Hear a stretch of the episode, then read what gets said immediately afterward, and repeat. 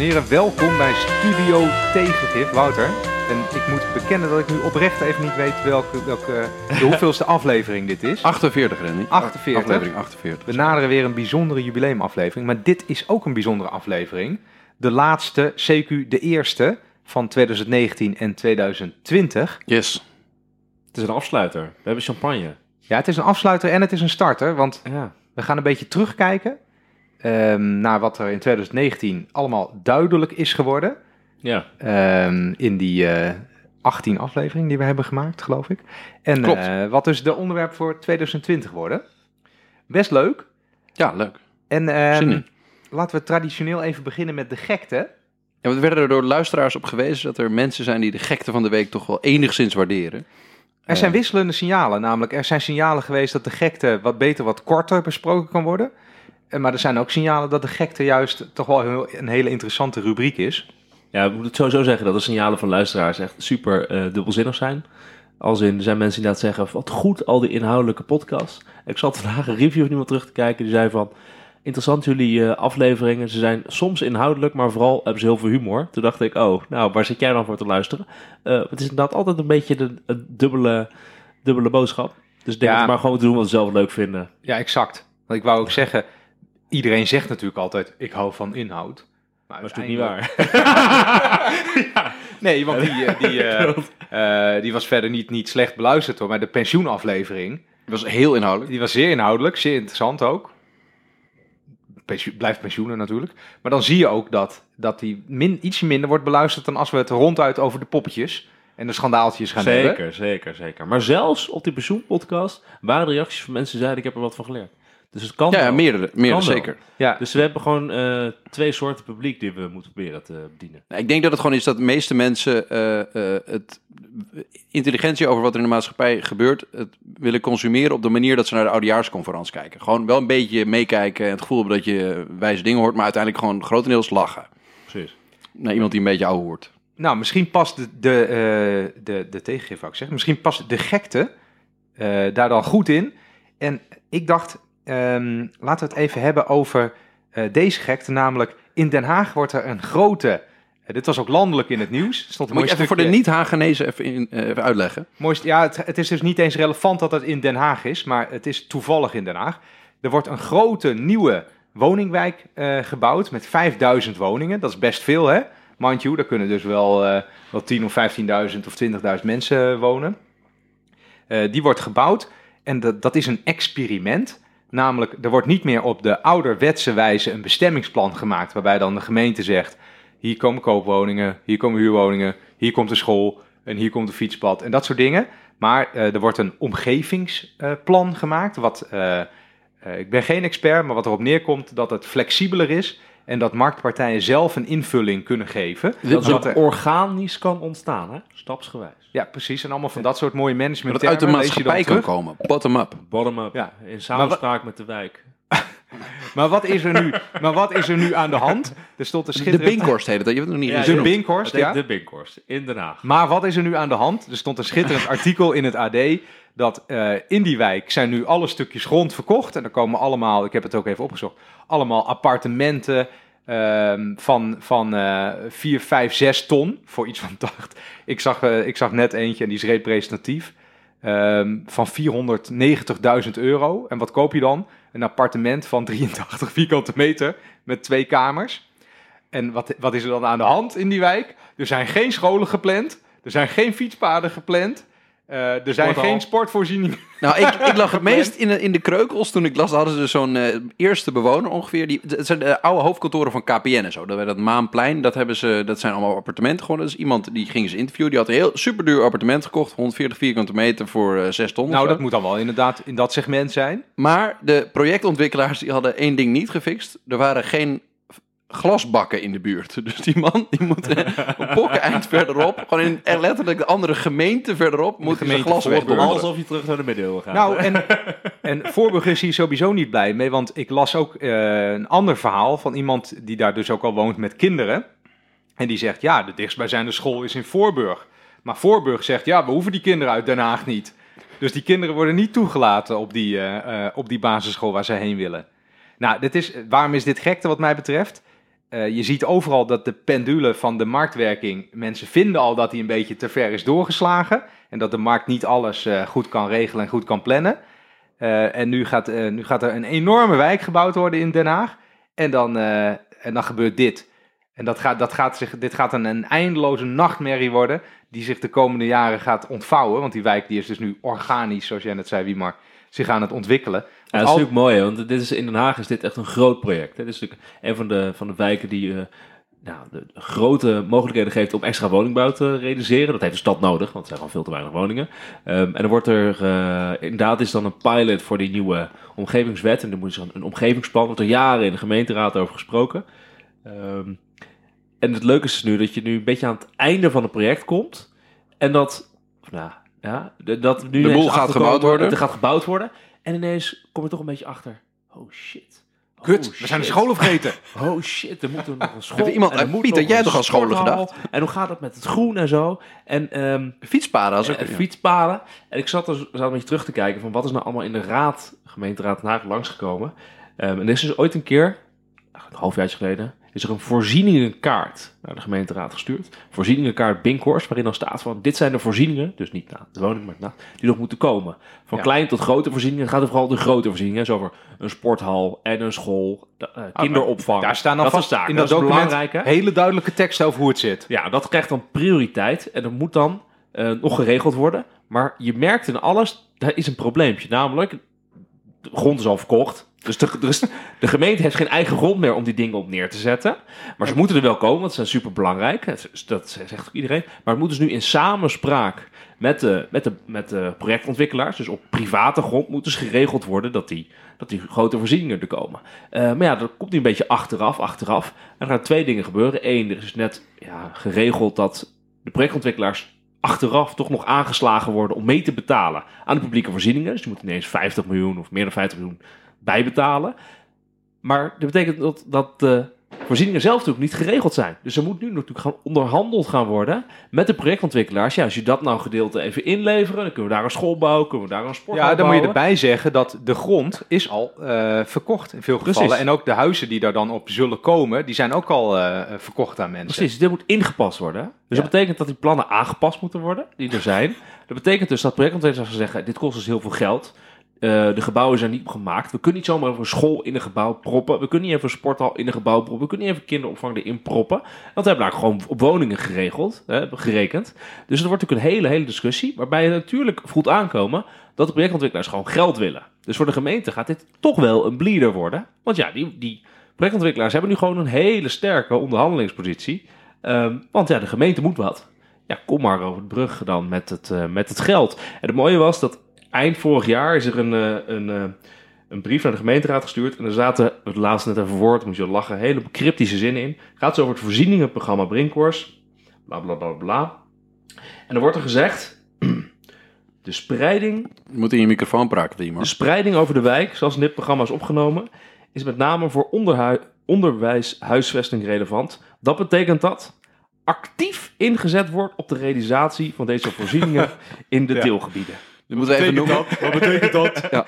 Wij, wij, wij- Dat betekent eh, dat ze heel erg hun best gaan doen, maar dat ze geen belofte doen dat ze er ook komen. nee, dat, dat betekent dat de ambtenaren al denken...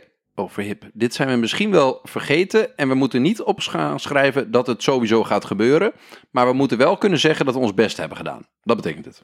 Zeker. Ja. En dat is wel interessant. Want de transformatie van de Binkhorst neemt lange tijd in beslag. De fasering van de voorzieningen wordt afgestemd op de woningbouwontwikkelingen. Puntje, puntje, puntje.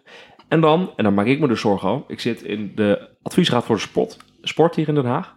En die heeft dus al twee jaar geleden gezegd: let op bij de Binkhorst, inspraakprocedure. Er zijn veel te weinig sportvoorzieningen. Ja. Veel te weinig. Dat zie je gewoon aankomen. Dit hè? hebben we niet net in het Dus AD dit is- gelezen. Dit is, net niet- een bekend dit is al- probleem. dit is al tijden terug. En dan staat er dus inderdaad... In dat kader is een meer grootschalige sportvoorziening... in de vorm van een terreincomplex met meerdere velden niet mogelijk.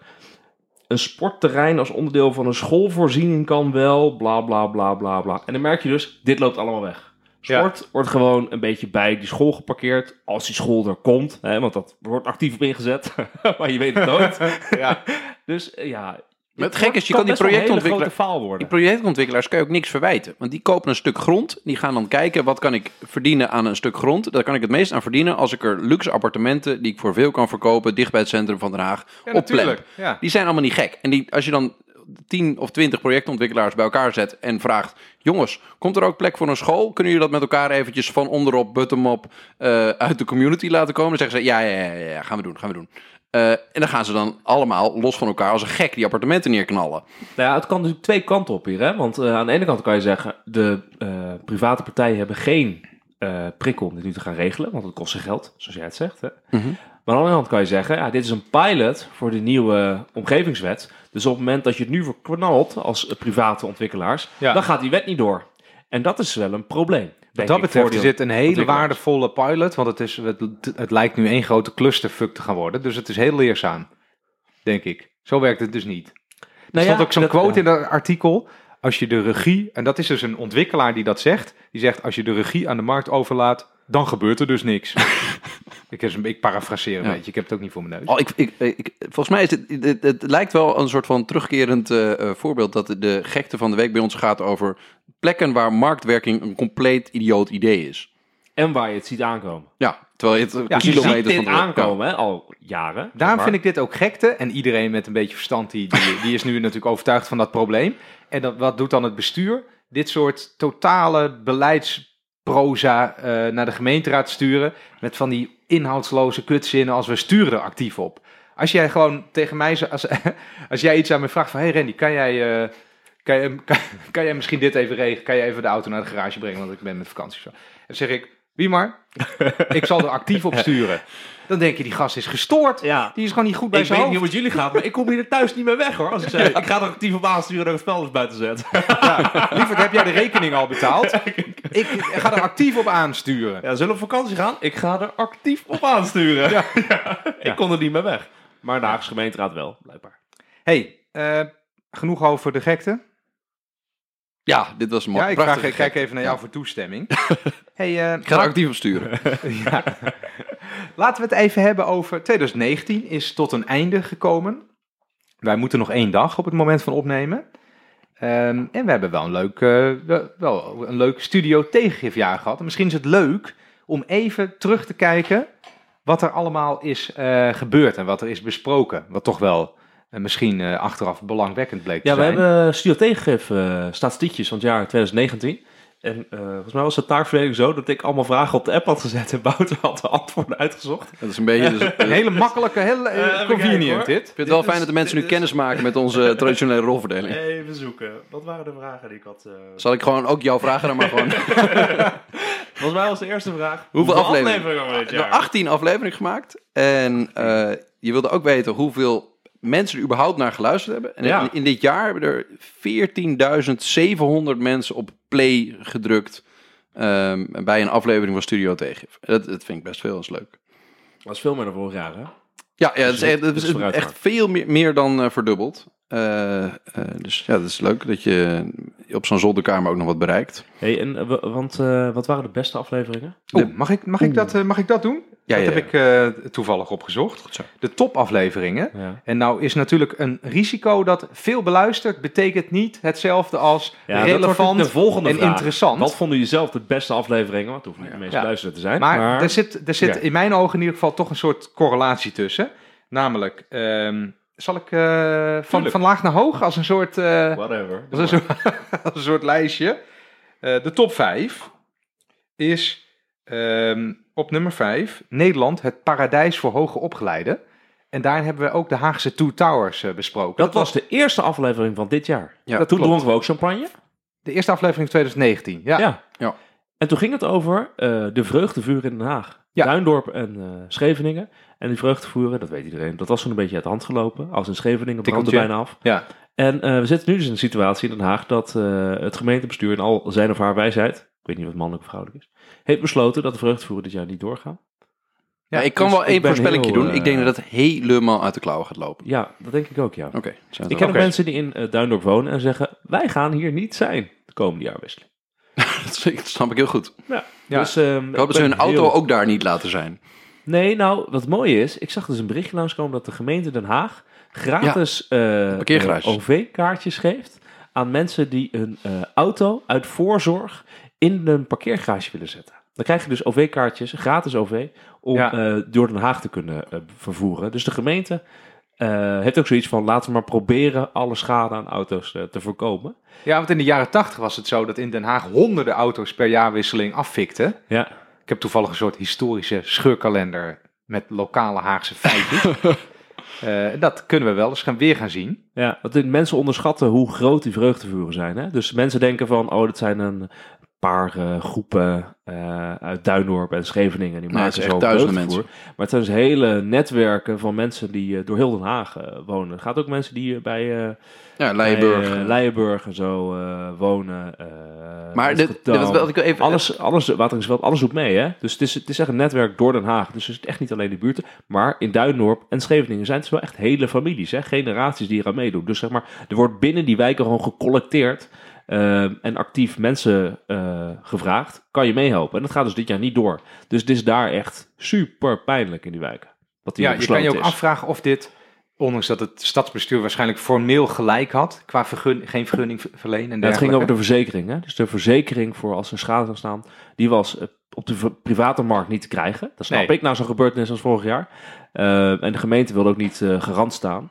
Eh, ook niet in een meest afgezwakte vorm van een vuurtje. Nee, maar dat ik snap had, ik. had gewoon twee vuurkorven neergezet. eentje Ja. op, op Duindorp en eentje op Scheveningen. Dit had, ik, dat had volgens mij wel beter geweest. Ja, want iets, in tegenstelling tot helemaal niks, dat kan alweer zoveel mensen zeggen van, nou ja, hè, volgend jaar kijken we weer verder en we hebben in ieder geval iets nu. Ja, maar kijk, want eh, je moet niet. Wat belangrijk is dat Duindorp en Scheveningen, de mensen die die vuren maken, die denken altijd, al sinds de jaren tachtig, sinds het eerst begonnen is, wij zijn met iets goeds bezig. ja, ja. Wij maken de vuren om te zorgen dat, Dat er in de niet stad afbreken.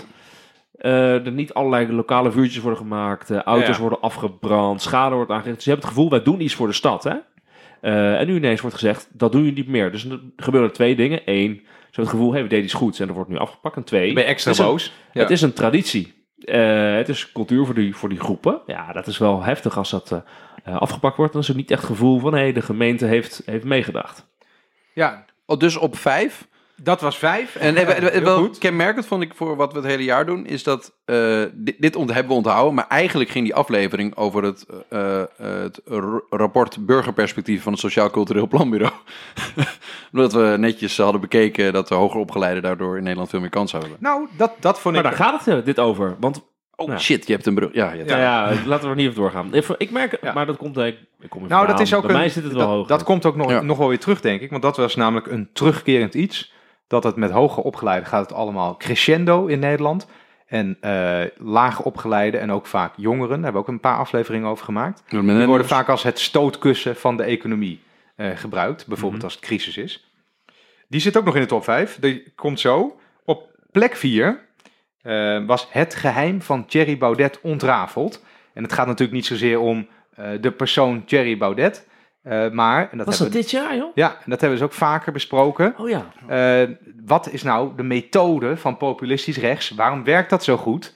En hoe zou je dat kunnen bestrijden en dat soort dingen allemaal? Oh, dat was natuurlijk na zijn briljante speech na de En overwinning. dat was nadat ze het grootste waren geworden. De man moest Ja, de pootjes haken. Dat was toch? Die? Nee, dat- Ja, ja, dat daar was haakte jij toen op aan. Ja, en de oude van Minerva eh, en eh, Ja. in onze boreale wereld. Wat mensen daarvan herinneren is inderdaad dat de uil van Minerva eindelijk daalde of landde. Thierry had dat precies verkeerd, maar goed, ja, dat en ik niet denk toe. dus alleen maar aan het pootje haken van mammoeten. Maar dat is hoe je er eh, terugdenkt. Ja, dus dat, dat was een belangrijk onderwerp. Ehm, op plek drie, de, eh, de grote aflevering met René Cuperus. Was Over de- leuk. Over de voortrazende Europese elites. Zeker. En dat is ook, eh, die staat met, met recht op plek drie, denk ik dan. In de zin dat we het vaker hebben over losgezongen, wereldvreemde, onverantwoorde elites. Eh, eigenlijk een, be- een beetje populistisch thema, waar ze dus wel een punt hebben, denk ik. Ik denk dat het een soort zelfkastijding van ons is ook. Dat we vrezen dat we daar onderdeel van uitmaken of ooit gaan worden. En daarom benoemen we het heel hard. Dat we dat allemaal wel erg vinden. En voor het sfeerbeeld was dat vooral een aflevering in de enorme hitte. Het was een heel warm. Het was Een 40 zondag, graden of zo. Ja. 40 graden. En René kwam dus helemaal uit het verre weg met Amersfoort het OV, of zo? Ja. zwetend, kon die binnenzetten. Nou ja, nou ja. Verhit. Ja. Maar dat was een hele, hele leuke aflevering. Nou, lekker biertje klonken in de, in de tuin. Was bij jou, Wouter? Die Ja. was de enige aflevering bij jou opgenomen. Ja. Dit jaar. Dat was plek 3. plek 2. En nu komen we echt bij de, bij de luistercijfer kanonnen. Eh, volgend jaar weer crisis. Wie gaat betalen? Dus daar Ja, heb je ook alweer dat thema. Jongeren gaan betalen, lager opgeleiden gaan weer bloeden, et cetera. Eh, hè, dat, dat bepleiten wij overigens niet, maar dat, dat zijn dus eh, steeds de dingen die, die dreigen te gebeuren. Ehm, en dat is een van die afleveringen die, dat vind ik sowieso leuk, die niet alleen wanneer die gepost wordt, luisteraars trekt, maar ook nog veel later Ja. opeens weer een soort tweede leven, een derde leven krijgt, waarbij mensen hem dan eh, opnieuw herontdekken. Misschien komt dat omdat we daarin voorspellingen doen. Dat we dus, wij, wij halen allerlei eh, eh, economische rapporten aan die aankondigen dat er volgend jaar 2020 wel eens een economische crisis zou kunnen ontstaan. En ik, ik denk dat dat eh, iets is wat mensen blijft prikkelen en niet direct gelinkt is aan een, eh, een actuele gebeurtenis. Eh, ja, want dat is, ook, dat is inderdaad ook iets wat je, daar komen we dan later nog wel, wat je ook wat leert voor 2020. Ehm, wat zijn nou die patronen waardoor steeds dezelfde groepen de klappen opvangen? Ja, dat blijft relevant eh, voorlopig. Dan komen we bij de nummer 1, en dat is een ander onderwerp wat voorlopig nog wel even relevant blijft. Namelijk ehm, het probleem dat niemand wil oplossen, dubbele punt, de woningmarkt.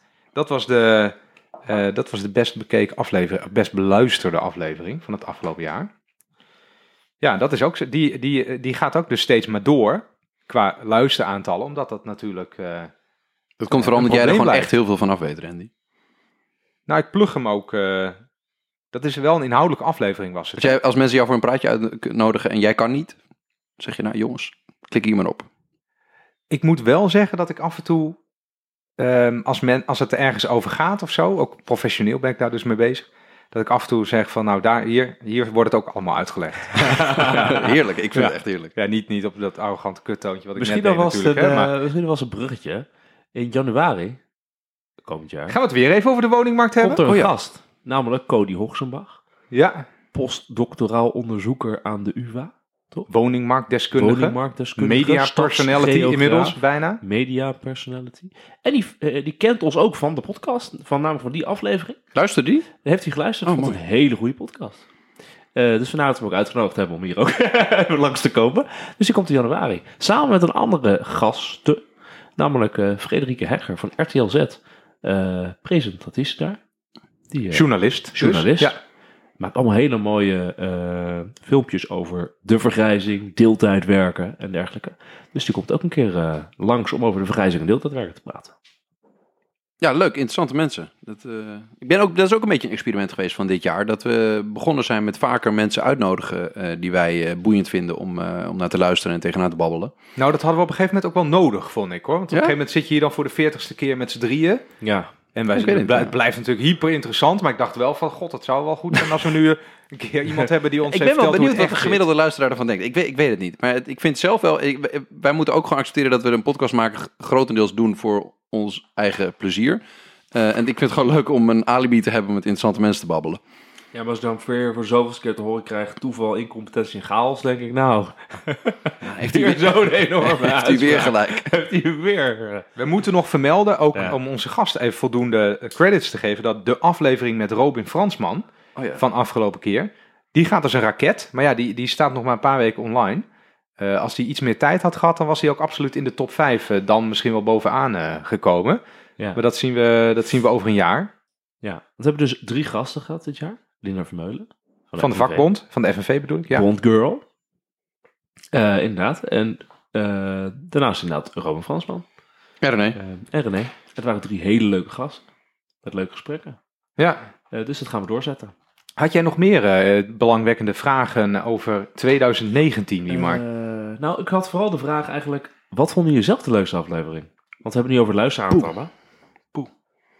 Ik, ik moet eerlijk bekennen dat wat, wat ik het leukst vind is, ehm, doordat je veel met mensen praat die relatief scherp zijn, ehm, dat je goed gaat letten op wat je allemaal zegt en hoe je je woorden eh, formuleert. En dat je daardoor ook zelf meer gaat nadenken over wat je allemaal vindt. Als je Ja. alleen maar boeken en de krant eh, leest en een beetje naar eh, actualiteitenprogramma's kijkt of podcast luistert, ben je meer passief informatie aan het consumeren. En doordat je er nu over praat en eh, nadenkt over wat je wel vindt en waar je, waar je wel vragen over stelt en waar niet over, ehm, kom je zelf ook steeds meer achter dingen. Ik ben over heel veel dingen meer gaan twijfelen, maar ik heb ook wel een aantal dingen waar ik langzaam eh, meer overtuigd van ben geraakt. En ik vind het heel lollig dat bijvoorbeeld, wat een van de rode lijnen voor mij is, is dat we allemaal idiotie ehm, in onze maatschappij, die te complex is voor veel mensen om in te duiken, dat we die een beetje proberen eh, eh, bloot te leggen op een hu- humoristische manier. Want heel veel plekken waar het is, weet ik veel, als het bij toeslagen, als het op de woningmarkt, als het een pensioenstelsel, stelsel, zijn er allerlei zaken die door gevestigde belangen op een bepaalde manier gaan. En wij kunnen daar, ja, wij, wij, wij nemen wel de moeite om al die maffe rapporten te lezen en dan maken we daar een paar grapjes over. Dat, eh, ik vind dat, dat is ja, dat, eh, heel leuk om te doen. Volgens mij is dat ook de niche waar podcasts in het, in het algemeen in zitten. Want je ziet in de, eh, de reguliere media, dan moet ik al een beetje oppassen dat ik niet heel erg als een rechtspopulist ga klinken.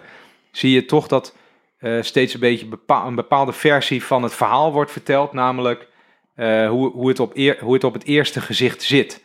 Je, je hebt natuurlijk heel veel belangwekkende eh, initiatieven die zich daaraan proberen te ontworstelen. Zoals Follow the Money en eh, onderzoeksredacties van, eh, van, van hele goede kranten zoals Trouw. Hè, die die toeslagenschandalen blootleggen. En ook bij RTL gebeurt dat. Maar over het algemeen is de medialogica toch zo dat, dat, je, dat, je, dat, je even een beetje over de oppervlakte krabbelt. En dat je dan weer door moet. Want de nieuwscyclus is alweer, gaat alweer verder. Of is alweer voorbij. En in een podcast kan je toch een uur of twee uur of drie uur desnoods lullen over een onderwerp. En dat gebeurt eh, door mensen die er niet eh, voor betaald hoeven te worden om 50 eh, artikelen op één dag te schrijven. Dus we kunnen gewoon twee weken over één onderwerp nadenken. En mensen die niet bekend zijn omdat ze nou eenmaal op tv zijn. Dus je hoeft niet naar, weet ik veel, bij, zoals bij Pauw, naar Dries Roelvink over de pensioencrisis te luisteren. Of naar, weet ik veel, Peter R. de Vries over de klimaatproblemen. Ik denk dat dat wel een, een plus is ten opzichte van reguliere media. Fake news, ja. Ja, nee, ik vind, het ook. Ik vind vooral wel, want ik denk dat we met de podcast toch ook wel het saaie deel doen, namelijk gewoon informatie overbrengen, toch? Dus we proberen mensen ook wel iets te leren over de woningmarkt of de pensioen of over eh, een crisis of over eh, dat soort zaken. Maar het is ook vooral prikkelen. Dat vond ik trouwens heel leuk aan die gasten die dan komen. Die gasten, die, dat misschien even goed om te vertellen. Als gasten komen, gaan we ze niet elk moment in de reden vallen en kapot fact-checken. Dan nodigen ze uit voor een leuk gesprek. Dus op het moment dat je dan als luisteraar denkt, jeetje man, wat jij- deze, jij zegt dit- deze gast over te praten? Dan, dat snap ik dat je dat denkt, want dat denk ik ook wel eens. Maar eh, het is ook zeg maar om het, jullie te prikkelen. En onszelf trouwens ook. Ja, ik ben persoonlijk ook eh, van de Ifonie school. In de zin van, een interview hoeft ook niet dat je elkaar helemaal op ieder, op ieder zinnetje kapot maakt. Van klopt dat wel en kan je dat wel hard maken hier nu te plekken met eh, eh, onderbouwing. Nee, dat doen jullie Ja. ook niet. Nee, dat zou snel, dat dat het snel zou doen. afgelopen zijn We hadden vijf afleveringen gemaakt, was klaar. Ik, had, ik heb dat bij zo- zowel bij die aflevering van Linda als bij de aflevering van eh, Robin. Dat eh, bij die aflevering van Linda had ik wat meer eh, liberaal-rechtse mensen in mijn kenniskring die mij zeiden van... Nou, die dame van die vakbond hebben jullie wel heel vrij laten babbelen over het vakbond en wat er allall goed aan is. Dat, Ja, ja, ja, had je wel eens in de reden mogen vallen, Wouter. En, en bij Robin Fransman kreeg ik vooral mensen die veel van duurzame transitie, eh, eh, voedselketens en dat soort dingen weten. Zeiden van ja, die, die, die Fransman heb je echt wel uit zijn nek laten kletsen, Wouter. Je had hem je moeten onderbreken. Ja, precies. Nou, mooi toch? Er wordt in ieder geval op gereageerd. Dus mensen denken, hé, hey, er gebeurt er wat. Ja, nee, nee, Dus ja, eh, precies. ook Cody Eens. Hoogsenbach, ook Frederike Hegger, die laten gewoon alles zeggen wat ze willen. Nou ja, En jullie we- ook. ja, we- ja. jullie ook. Dus af, we en toe- zijn af en toe wel, trekken we eh, en meer, we Dan even gaat het te ver. En we, hebben ook, eh, we hadden nog een le- allemaal mooie leerstellingen. Leerstellingen. Dat, Oh ja. Introduceer dat. Wat zijn de leerstellingen van Oh, jullie? dat is een vreselijk woord. Maar, Maar wat is leerstelling? Ja, dat was niet mijn woord. Eh volgens mij was het Randy, of Dat niet? van professor eh, Marten. Leerstelling. Ja, niet gehoord dat- dat, dat- is dat- 1833. Maar- Ik weet ook niet waarom ik dat zo heb genoemd. Wat mij, wa- wa- waar gaat dit over? Waar hebben we het überhaupt over? Het is eh, ons opgevallen gedurende de, de 48, 47, 48 afleveringen die we hebben gemaakt. Dat bepaalde conclusies over de gekte en over eh, de onderwerpen die we, die we proberen te fileren. ehm, een beetje eh, ehm, terugkomen. Er zijn bepaalde terugkomende conclusies. Namelijk, eentje van jou, eh, Wouter, de stelling van Welling, eh, noem ik die ook altijd. Namelijk als we dan zeggen, god, hoe heeft dit zo mis kunnen gaan? Of hè, waarom eh, wordt dit eh, belachelijke beleid voortgezet? Dan zeg jij vaak, het is toeval, incompetentie en chaos. Jij noemde dat net toeval, al. Chaos en incompetentie, toch? Ja, dat ma- de volgorde maakt niet zoveel uit. Ik heb- Toeval, ik heb het ook incompetentie altijd en mis. chaos.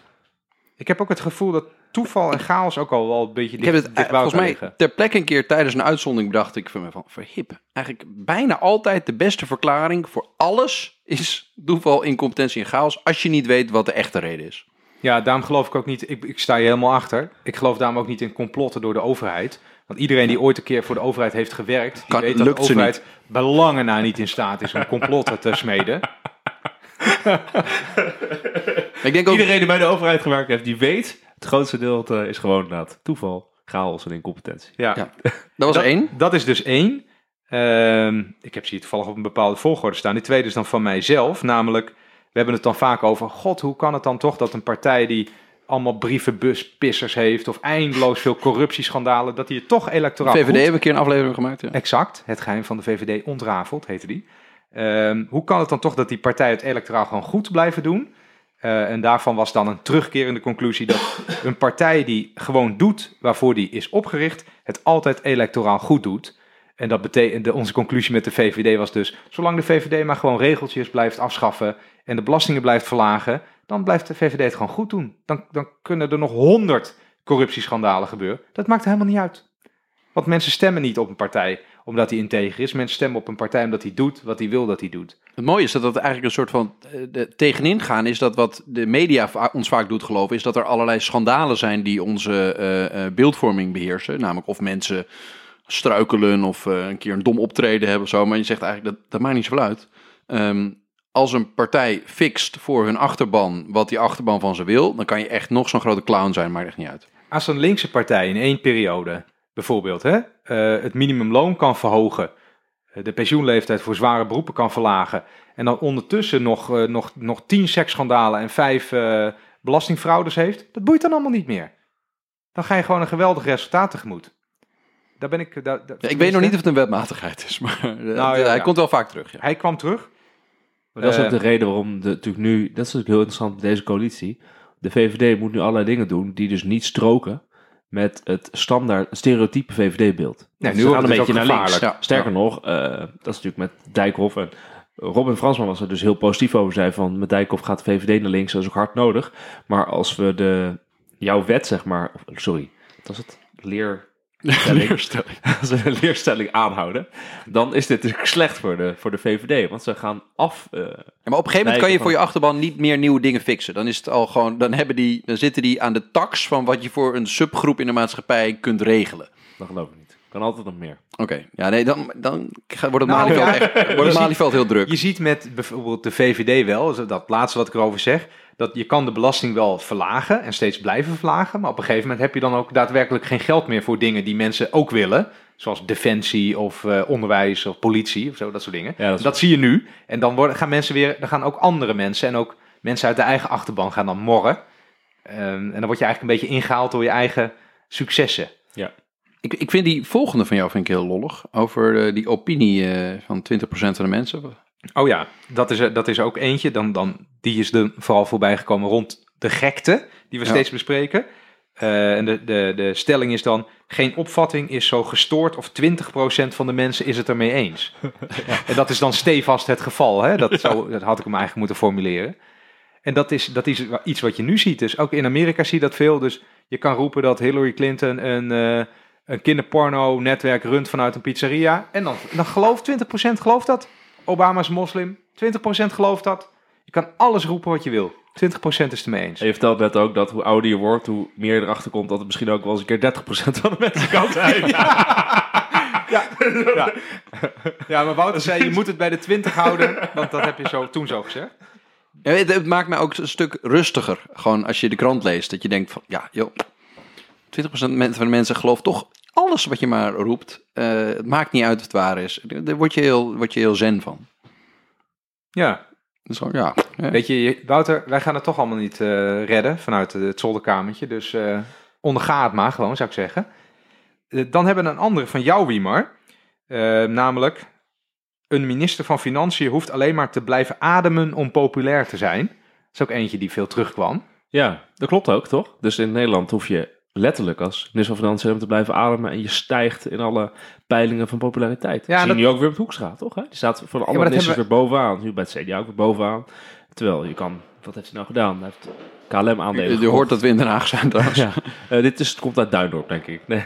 Eh, dus ja, klopt. Die, dat is het enige wat je hoeft te doen.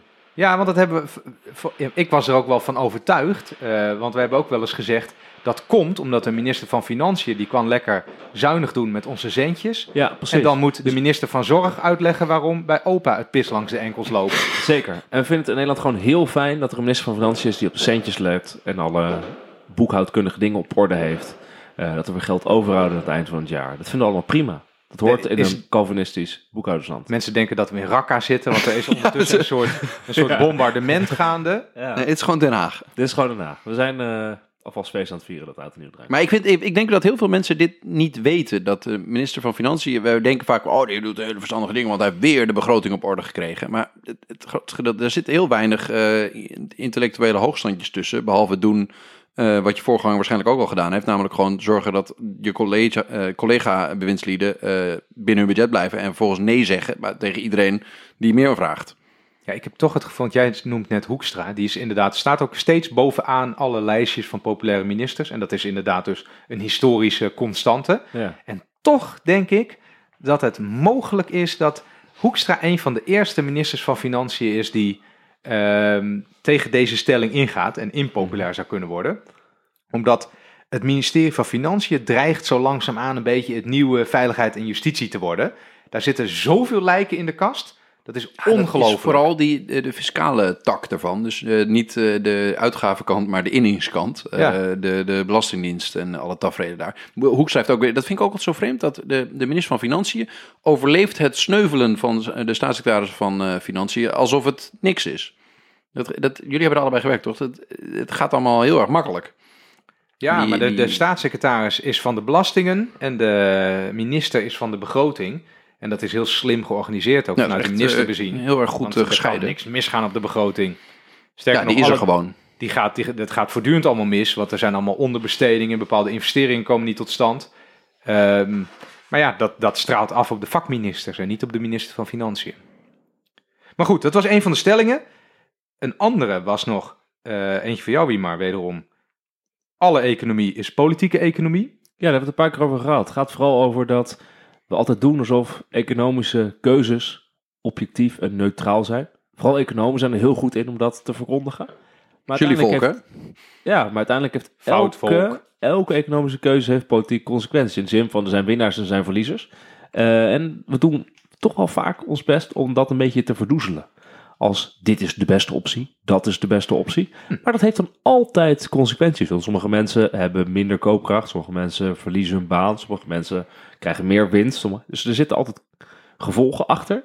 En officieel wordt er dan gezegd in economenland van een econoom geeft alleen de beste beleidsopties weer om een bepaald eh, doel te bereiken. Een politiek doel, dus door de politiek gegeven. Daar geef Ja, je de ja. beste optie bij. Eh, maar vaak is het niet zo dat het politieke doel gegeven is. vaak is het gewoon zo dat er opties worden aangedragen. We doen maar Daar wordt uit gekozen.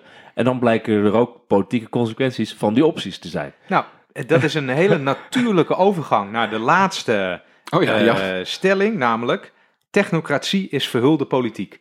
En die is ook een behoorlijk aantal keer teruggekomen. En die Ja. betekent eigenlijk in feite dat wat vaak wordt gepresenteerd als neutraal technocratisch beleid, bijvoorbeeld het beleid van de Europese Centrale Bank Ja, of ja, het precies. begrotingsbeleid, dat het in feite intens politiek is.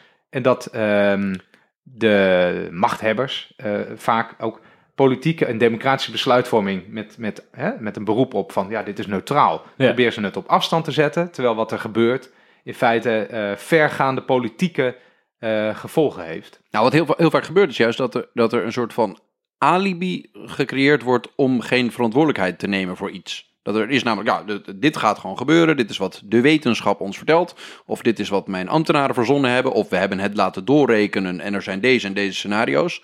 Ehm, dus ik kan alleen maar voor X kiezen. Ja. Ehm, waarmee eh, iemand die in charge zou moeten zijn, eigenlijk zijn verantwoordelijkheid eh, ehm, neemt door te zeggen, ja, er is maar één optie en die kies ik nu.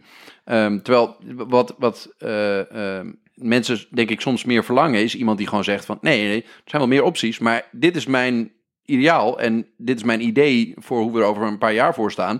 En dus daarom gaan we hiervoor. Er zijn wel meer opties, maar die kies ik gewoon niet. Dus het, mijn kritiek erop, en ik denk dat dat langzaam ook zal gaan veranderen, is dat het vaak eh, een soort van eh, wegduikpolitiek is door te zeggen dat er maar één optie is vanuit de economische wetenschap. Ja, en ik vind het, dit is precies dat. En wat een echt een, een pakkend voorbeeld daarvan is, vind ik de begrotingsregels.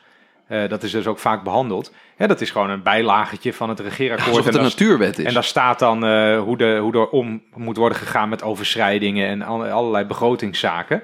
En dan gebeurt het dus serieus tientallen keren bij de algemene politieke beschouwingen dat dan ehm, Kamerleden van de coalitie of eh, het kabinet tijdens een debat zegt: Ja, maar dat mag niet van de begrotingsregels. Dan denk ik, man, je bent hartstikke gek. Die, die stel je zelf vast. Daar ga je zelf over. en als, je, als er een, keer- een keer een wijs Kamerlid zou zijn dat aan eh, dat Kamervragen zou stellen aan de minister van Financiën van kunt u een overzicht maken met hoe vaak de begrotingsregels geschonden zijn de afgelopen tien jaar, dat ze niet eens kunnen opleveren, omdat het honderden keren is geweest.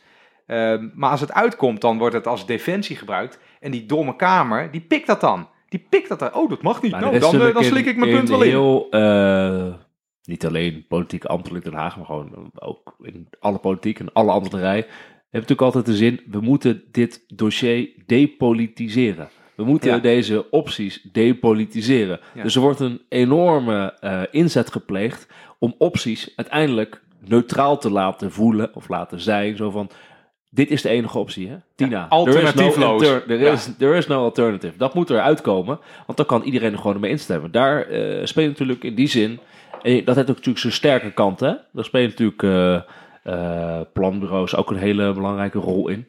En eh, wat je natuurlijk ziet, is dat het there is no alternative vooral eh, heel belangrijk wordt in crisistijd.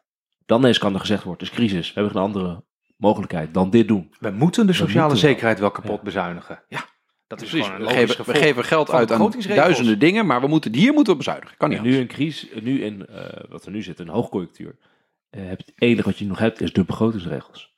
Ja. Dus je kan niet meer zeggen het is crisis. Nee, je kan maar zeggen we hebben de begrotingsregels. Dat mag niet. Maar zelfs die zijn nu geschonden hè, bij de afgelopen begroting. Dus Tuurlijk, die worden Hoekstra voortdurend duidelijk geschonden. aangegeven, want er wordt extra geld uitgegeven, lasten, eh, verlichting toegepast. En alsnog houden allemaal houden we van bakken van Maar is toch gebeurd.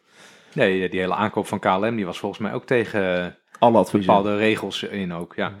Maar goed, eh, ik zeg, mijn stelling is dus ook, fuck die regels. Doe gewoon waar je, eh, wat je het beste lijkt. Dus, eh, Die hadden we een goede leerstelling. Randy is nooit rechtsfilosoof geworden.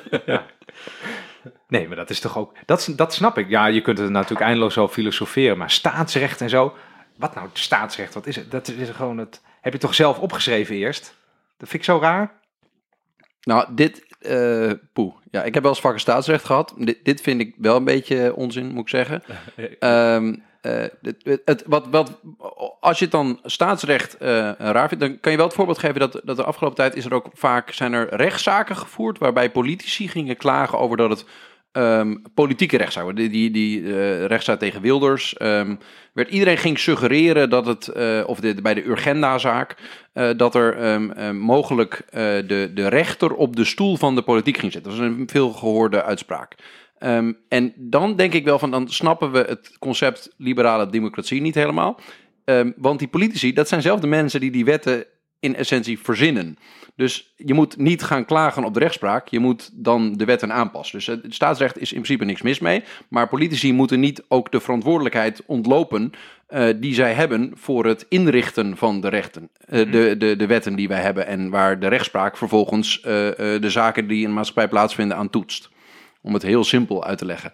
Ehm, de- dus ik denk dat de kern van het punt is dat heel vaak eh, wij het accepteren als politici ehm, eh, eigenlijk doen alsof er iets is wat buiten hun kracht staat en waar ze zomaar over mogen eh, klagen of zeggen dat het een soort natuurwet is, terwijl ze uiteindelijk zelf de mensen zijn die ervoor verantwoordelijk zijn. Ja, maar dat is natuurlijk vaak. Politici zijn, niet alleen politici, heel veel mensen natuurlijk op zoek naar iets waar ze schuld aan kunnen geven. Dus inderdaad, Europa heeft het gedaan.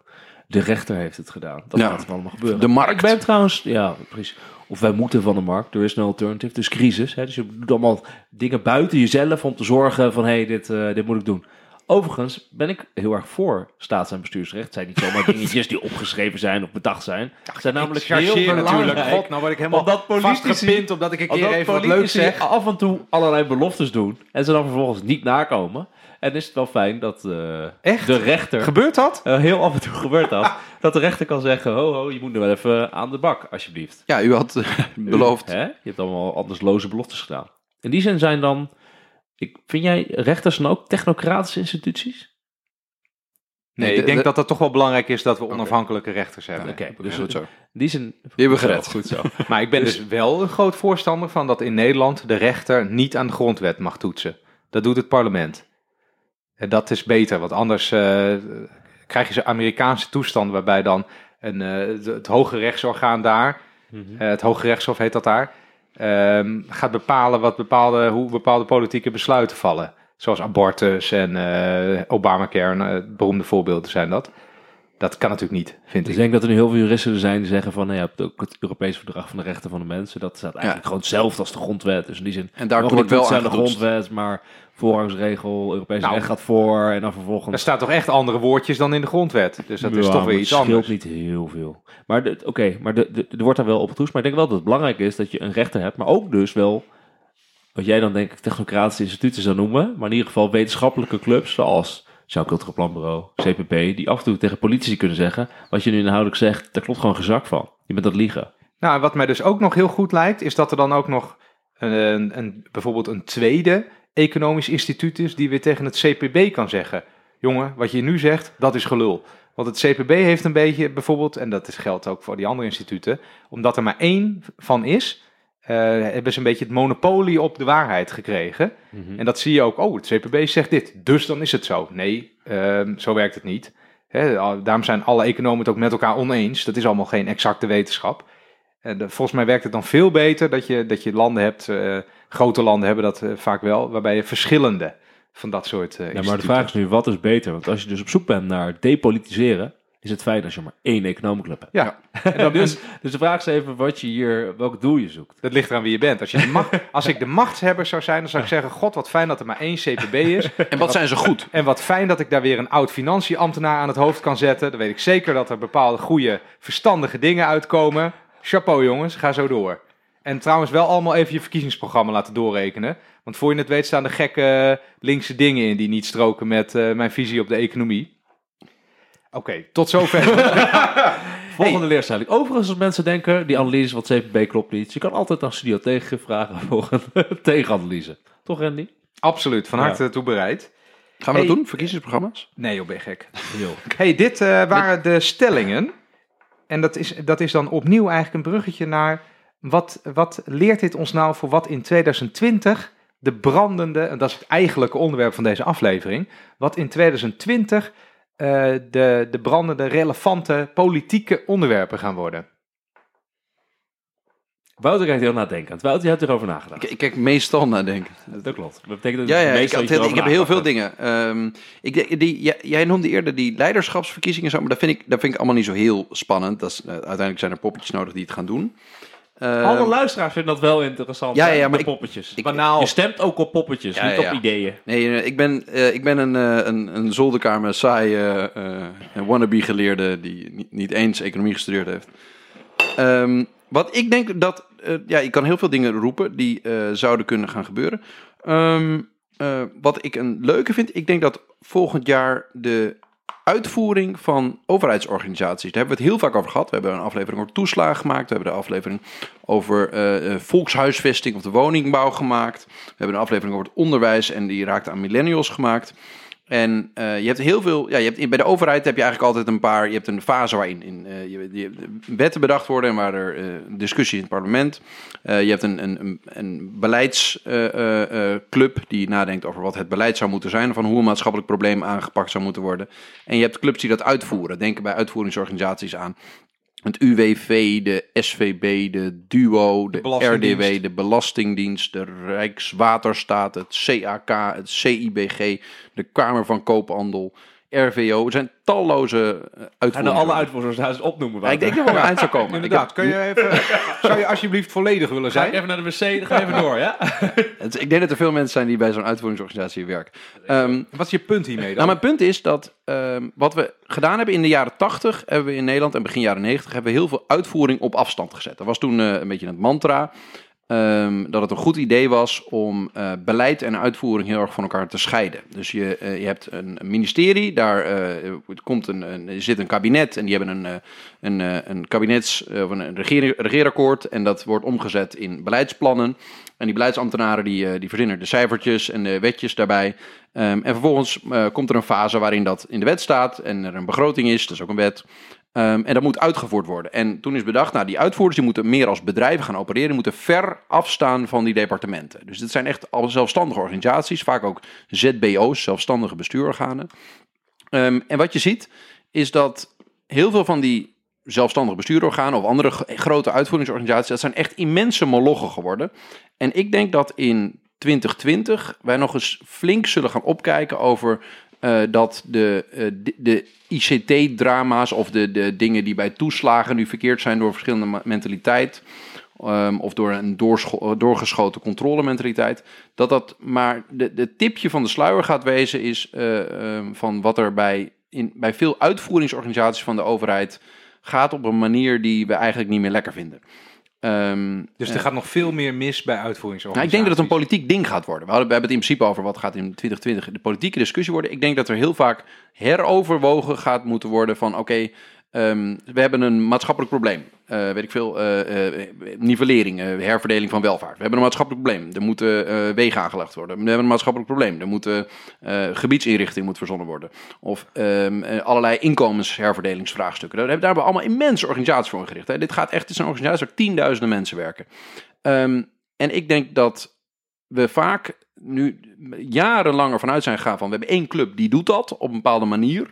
En eh, dat is nou eenmaal de, de, de wetmatigheid. Van we hebben een, eh, weet ik veel, we, hebben, we keren eh, studiefinanciering uit. Daar hebben we ooit de informatiebeheergroep voor in Groningen gepland. En dat is nu duo geworden. Er werken in mijn ogen echt allemaal hele integere ambtenaren. Maar de vraag is, moet dat nog tot in het einde der tijden op deze manier gaan? Ehm, en dat is hetzelfde geldt voor de manier waarop de Belastingdienst allerlei vraagstukken uitvoert.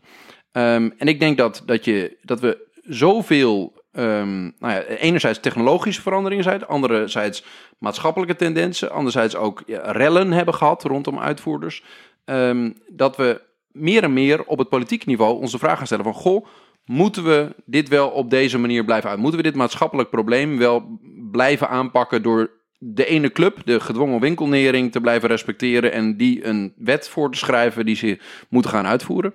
Ehm, dit is even de dit dingen. doet me gewoon denken aan een andere leerstelling die we hadden, namelijk de ijzeren wet van beleidsbehoud. Ja, Oh ja. oh, die hebben we niet Die Namelijk dat je gewoon een bepaald beleid blijft uitvoeren, als politiek en ambtenarij, en ook blijft verdedigen. Je verandert maar heel weinig. Eh, ondanks dat het bewijs dat het niet werkt, dat beleid zeg maar op blijft stapelen. Dat blijf je verdedigen, blijf je mee doorgaan. Je zegt de vruchten van dit beleid, die komen in de toekomst. Dit is alleen een soort opstartschade. Dat kan je jaren en jaren volhouden. Na een tijdje is het zo overduidelijk dat het niet werkt. Tot het punt dat het op catastrofale wijze Ja. vastloopt. En het, het hoeft het niet eens te zijn dat alles fout gaat, maar gewoon een gedeelte gaat de hele tijd zo fout. Denk aan de toeslagen. Dat na een tijdje maatschappelijk en ook ambtelijk en politiek wordt gedacht, hier moet wat anders. Dan gaat het beleid dus gewoon 180 graden de andere kant op. Ehm, dat gaat denk ik ook bij die uitvoeringsorganisaties eh, gebeuren. Dat nu toch het gevoel begint te ontstaan, hey, ja, UWV gaat er vaak fout. Belastingdienst gaat er vaak fout. Eh, en dat gaat, eh, ICT-dingen gaat er vaak fout. En dan een tijdje komt er gewoon op de politieke agenda komt het te staan. We moeten daar laten zien dat we wat anders gaan doen. Want anders dan eh, ja, kunnen we het niet meer verdedigen met elkaar als het weer fout gaat. Ja, we zeggen vaak dat zijn dan ICT-dingetjes. Daar wil ik wel een klein beetje nuance in aanbrengen. Dat, vaak zijn dat gewoon ehm, organisationele vraagstukken die hun uitwerking vinden in een informatiearchitectuur die volledig verouderd is en, en een organisatie die niet om kan gaan met de vragen qua eh, eh, databeheersing die we ervan vragen. Uiteindelijk, die organisaties zijn allemaal hele complexe Excel-sheets geworden, waar de hele dag hele complexe wijzigingetjes in gaan- aangebracht Ja. moeten worden. En dat, dat lukt gewoon niet meer. Dat be- Nou begon het voor mij een beetje als een, als een beleidsnotitie te klinken. Ah, ja. Wat? Oké, Maar nee, maar ik moest een voorspelling doen. Laat ik hem simpel houden. Eh, ik denk dat we eh, volgend jaar nog meermaals flinke wijzigingen gaan zien in... eh, We gaan even, ik ga even het raam dicht doen. Wordt er want- weer vuurwerk afgestoken, Ja, eh, niet, Er loopt hier iemand over het dak, ik weet het niet. Het is ook wel eens gebeurd afgelopen jaar. Heb je wel- Hey, ik Eh, wil je nog Randy, even wat- op ja. aanhaken, Oh, ja, ja. want dit is ook wat ik op mijn eh, lijstje had staan. Verlanglijstje. Ik denk dat we in 2019 ehm, al een beetje gezien hebben met al die eh, dingen, hè, die uitvoeringsorganisaties die, eh, die helemaal in de modder lopen en dat soort dingen. eh, dat dat zich in 2020 ehm, heel zichtbaar gaat door, doorzetten, of tot de climax komen, namelijk dat de politiek zichtbaar de grip verliest op bepaalde problemen en ontwikkelingen. En dat zie je bij eh, ehm, het stikstofgebeuren, eh, gebeurde dat even, het PFAS gebeuren. Die boeren hadden natuurlijk mee te maken. Eh, bij de toeslagen zie je dat nu. Daar hebben ze dus al eh, men- met Menno Snel een technocraat naar binnen gehaald om een soort clusterfuck eh, op te lossen. En die, die zit ook weer thuis inmiddels nu. Dus dat, dat is niet aan het lukken. Ehm, en ik denk dat dat. En, je ziet, het is een beetje ook een gevoelskwestie. Je ziet dat het coalitie ook denkt: kak, wat moeten we nou doen? En dat wordt natuurlijk volgend jaar interessant, want volgend jaar is een pre-verkiezingsjaar. In de zin van, volgend jaar zijn er geen verkiezingen, behalve dat we dus richting de Tweede Kamerverkiezingen gaan op 17 maart 2021. Dat betekent dat Ja. de coalitiepartijen er alles aan gelegen is om te laten zien dat ze toch in de lead zijn, in control zijn, dat ze problemen aanpakken, dat ze wat doen. Want dat is nu een beetje eh, wat mensen voelen rondom de coalitie, wat ook in de media terechtkomt. Er wordt te weinig bestuurd, te weinig voor elkaar gekregen. Zeker de afgelopen maanden met alle protesten. Dus er zal, komend jaar zal eh, de coalitie laten zien van we doen wel wat. Dus dat betekent dat er inderdaad, Wouter, op jouw uitvoeringsorganisaties en dat soort zaken, dat er ineens allerlei besluiten aangekondigd gaan worden. Hé, hey, we moeten dingen gaan aanpakken. We moeten dingen veranderen. Want dat laat nog zien dat de coalitie heel erg aan het besturen is en dingen aan het Mhm. doen is. Dus dat gaat volgend jaar wel interessant worden. Dat ja, de, de vier partijen, VVD, CDA, D66, ChristenUnie, moeten laten zien. eh, we, zijn, eh, we zijn nog bezig. Ja, en, en niet al een deel van die problemen, misschien kunnen we straks wat voorbeeld noemen, eh, die laat zich ook oplossen met een nieuw actieplannetje of wat extra geld op de begroting. Akkoordje. Een akkoordje. Maar eh, dan denk ik aan de woningmarkt. Een ander deel van de problemen is gewoon niet, niet dat ga je gewoon niet oplossen volgend jaar. Eh, hè, dat er nu een woningtekort is van, eh, van bijna 300.000 woningen. Ja, je kan wel in een notitie opschrijven, we gaan meer woningen bouwen.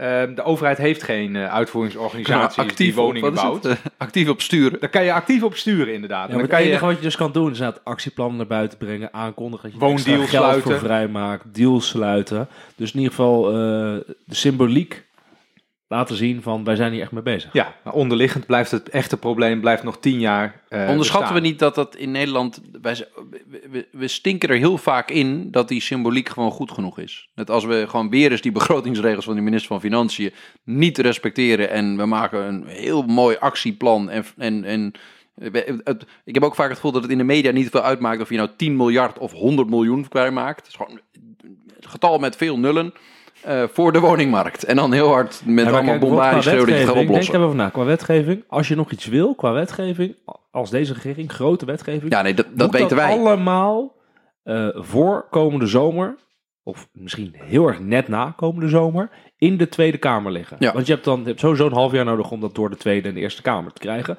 En vanaf eh, de kerst komend jaar, dus vanaf volgend jaar, gaat gewoon de Tweede Kamer en de Eerste Kamer gaan eigenlijk dicht. Want dan zijn we allemaal in de campagnestand. Dus dat betekent dat je tot de zomer maar hebt om nog dingen eh, eh, voor elkaar te krijgen.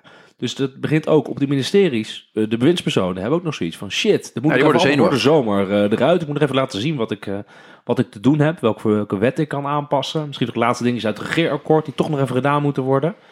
Dat, dat wordt wel... Nou, dat wordt wel lastig, want in de, dat is een, bijna een praktisch probleem. Dat bijvoorbeeld de Tweede Kamer heeft helemaal geen tijd om eh, bepaalde dingen te bespreken. Dat, eh, dat kan dan pas over maanden.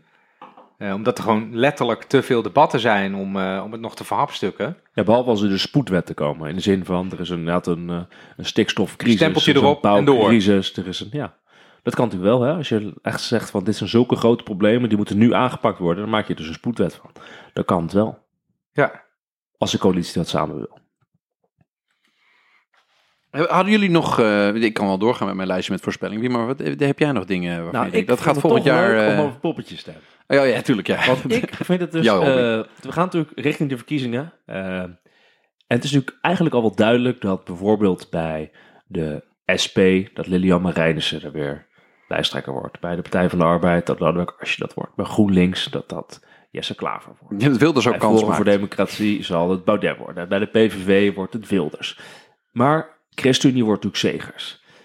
Ehm, maar de discussie gaat natuurlijk over eh, drie partijen eh, in het midden en rechts. Namelijk D66, CDA en wel heel belangrijk is natuurlijk de VVD. Dus wat nu gaat gebeuren is dat eh, Mark Rutte heeft laten weten dat hij komende zomer erover na gaat denken of hij eh, wel of niet lijsttrekker gaat worden van de VVD. En dat wordt natuurlijk, is natuurlijk nu waarschijnlijker, omdat Dijkhoff door de hele reiskostenvergoeding, affaire en alles daaromtrent wel behoorlijk eh, naar beneden is gezakt in alle opinie of eh, peilingen. Dus hij is veel minder populair. Dus hij is niet meer de kroonprins die mensen die ze dachten te hebben een jaartje terug. Ehm, dus je ziet ook dat het eigenlijk best wel laat is dat Rutte in de zomer gaat zeggen of hij wel of niet doorgaat. Eigenlijk Ja, zou het en- al begin dit jaar doen. Sterker nog, het CDA had eigenlijk al bedacht dat ze begin 2020 hun kandidaat naar voren zouden schuiven, zouden kiezen met het idee, dan weten we of we op Dijkhoff of op Rutte moeten reageren. Mhm. Ehm, maar die- dat hebben ze ook uitgesteld. Dus Is dat zo? wat er nu gaat gebeuren is dat ehm, VVD moet met iemand komen. Dus dat wordt na de zomer. Dan gaat CDA reageren en ook D66 gaat reageren. Gaan die dat nog daarna steeds- doen, denk jij? Ik denk D66 wel ervoor, maar ik denk dat CDA daarna gaat. Ja. Hmm. Ja, en dan, dan, dan de vraag is mag- dus wie wordt het? Want hè, bij de VVD is dan de discussie: wordt het Rutte, wordt het Dijkhoff, wordt het toch nog Schippers? Maar wat mijn, mijn water een Bij beetje zegt, D66 is dat... wordt, het, wordt het Jetten, wordt het Longren is eigenlijk wel een beetje uit de picture, omdat zij natuurlijk eh, met ziekte thuis zit. Dus daar is de vraag nu vooral, wordt het Jetten of wordt het eh, Kaag. Kaag? Of misschien toch nog dat Koolmees is gekandideerd of iets dergelijks. En bij de, denk het niet hoor, en bij de eh, CDA wordt, is natuurlijk de vraag, wordt het Hugo de Jonge, Mona Keizer of eh, Hoekstra? Ja, Of een eh, nieuw, datzelfde bij D66. Er kan altijd iemand besluiten, ik eh, steek ook mijn hand op. ja, ik ben dus uitermate benieuwd hoe dit gaat. Want in Nederland is niet zo heel veel ervaring met eh, leiderschapsverkiezingen. Nee, bij de, nou, bij de PvdA hebben ze er heel veel ellende mee gehad. Nou, er zijn dus hele er zijn totaal VVD, gemengde ervaringen. Ja. Namelijk bij D66 hebben ze toen een keer zo'n strijd gehad tussen Pechtold en Louise van der Laan. Ja, was Nou, dat eindigde ongeveer in nul zetels in de peiling. En ja, dat le- overleefde, letterlijk nul zetel. Ja, dat overleefde de partij eh, maar net. Ehm, en daarna hebben ze natuurlijk heel lang Pechtold gehad. Dus ja, eh, gemengd. Verdonk Rutte. Verdonk Rutte inderdaad was ook, heeft tot jarenlange verdeeldheid geleid bij de VVD. Met een schisma. Ja. Je moet ook niet vergeten dat Rutte natuurlijk nu al tien jaar premier is, maar dat hij daarvoor is hij eindeloos lang, is hij ook een soort kwakkelende eh, leider geweest, waarbij het steeds niet wou lukken. En toen had je nog een keer die verkiezing dat Rita Verdonk eh, meer stemmen haalde bij de Tweede Kamerverkiezingen. Weet je dat nog? Ja, als, 2006, als nummer twee, toch? 2007, Ja. 2006. Ja, dus dat, dat, dat is ook ehm, een gemengd beeld. Ik denk dat ze liever toen gewoon Rutte op het schild hadden gehezen en die Verdonk eh, bij het grofvel hadden gegooid. De partij-elite van de VVD. Maar goed, dat kon ze natuurlijk niet, ehm, gezien dat zij zoveel stemmen had. Ehm, daarna had je, heb je bij de Partij van Arbeid heb je één hele positieve en één hele negatieve ervaring. Ja. Namelijk die positieve was toen ehm Job Cohen ermee gestopt was. Toen hebben, nou weet ik niet of ik ze allemaal nog ken, maar hadden eh Plasterk, eh, Samson, die het uiteindelijk won. Al Lutz Bayrak, Jacobi, Martijn van Al- Dam. ja, die, die vijf namen het tegen elkaar op. En dat was ook een soort breed veld.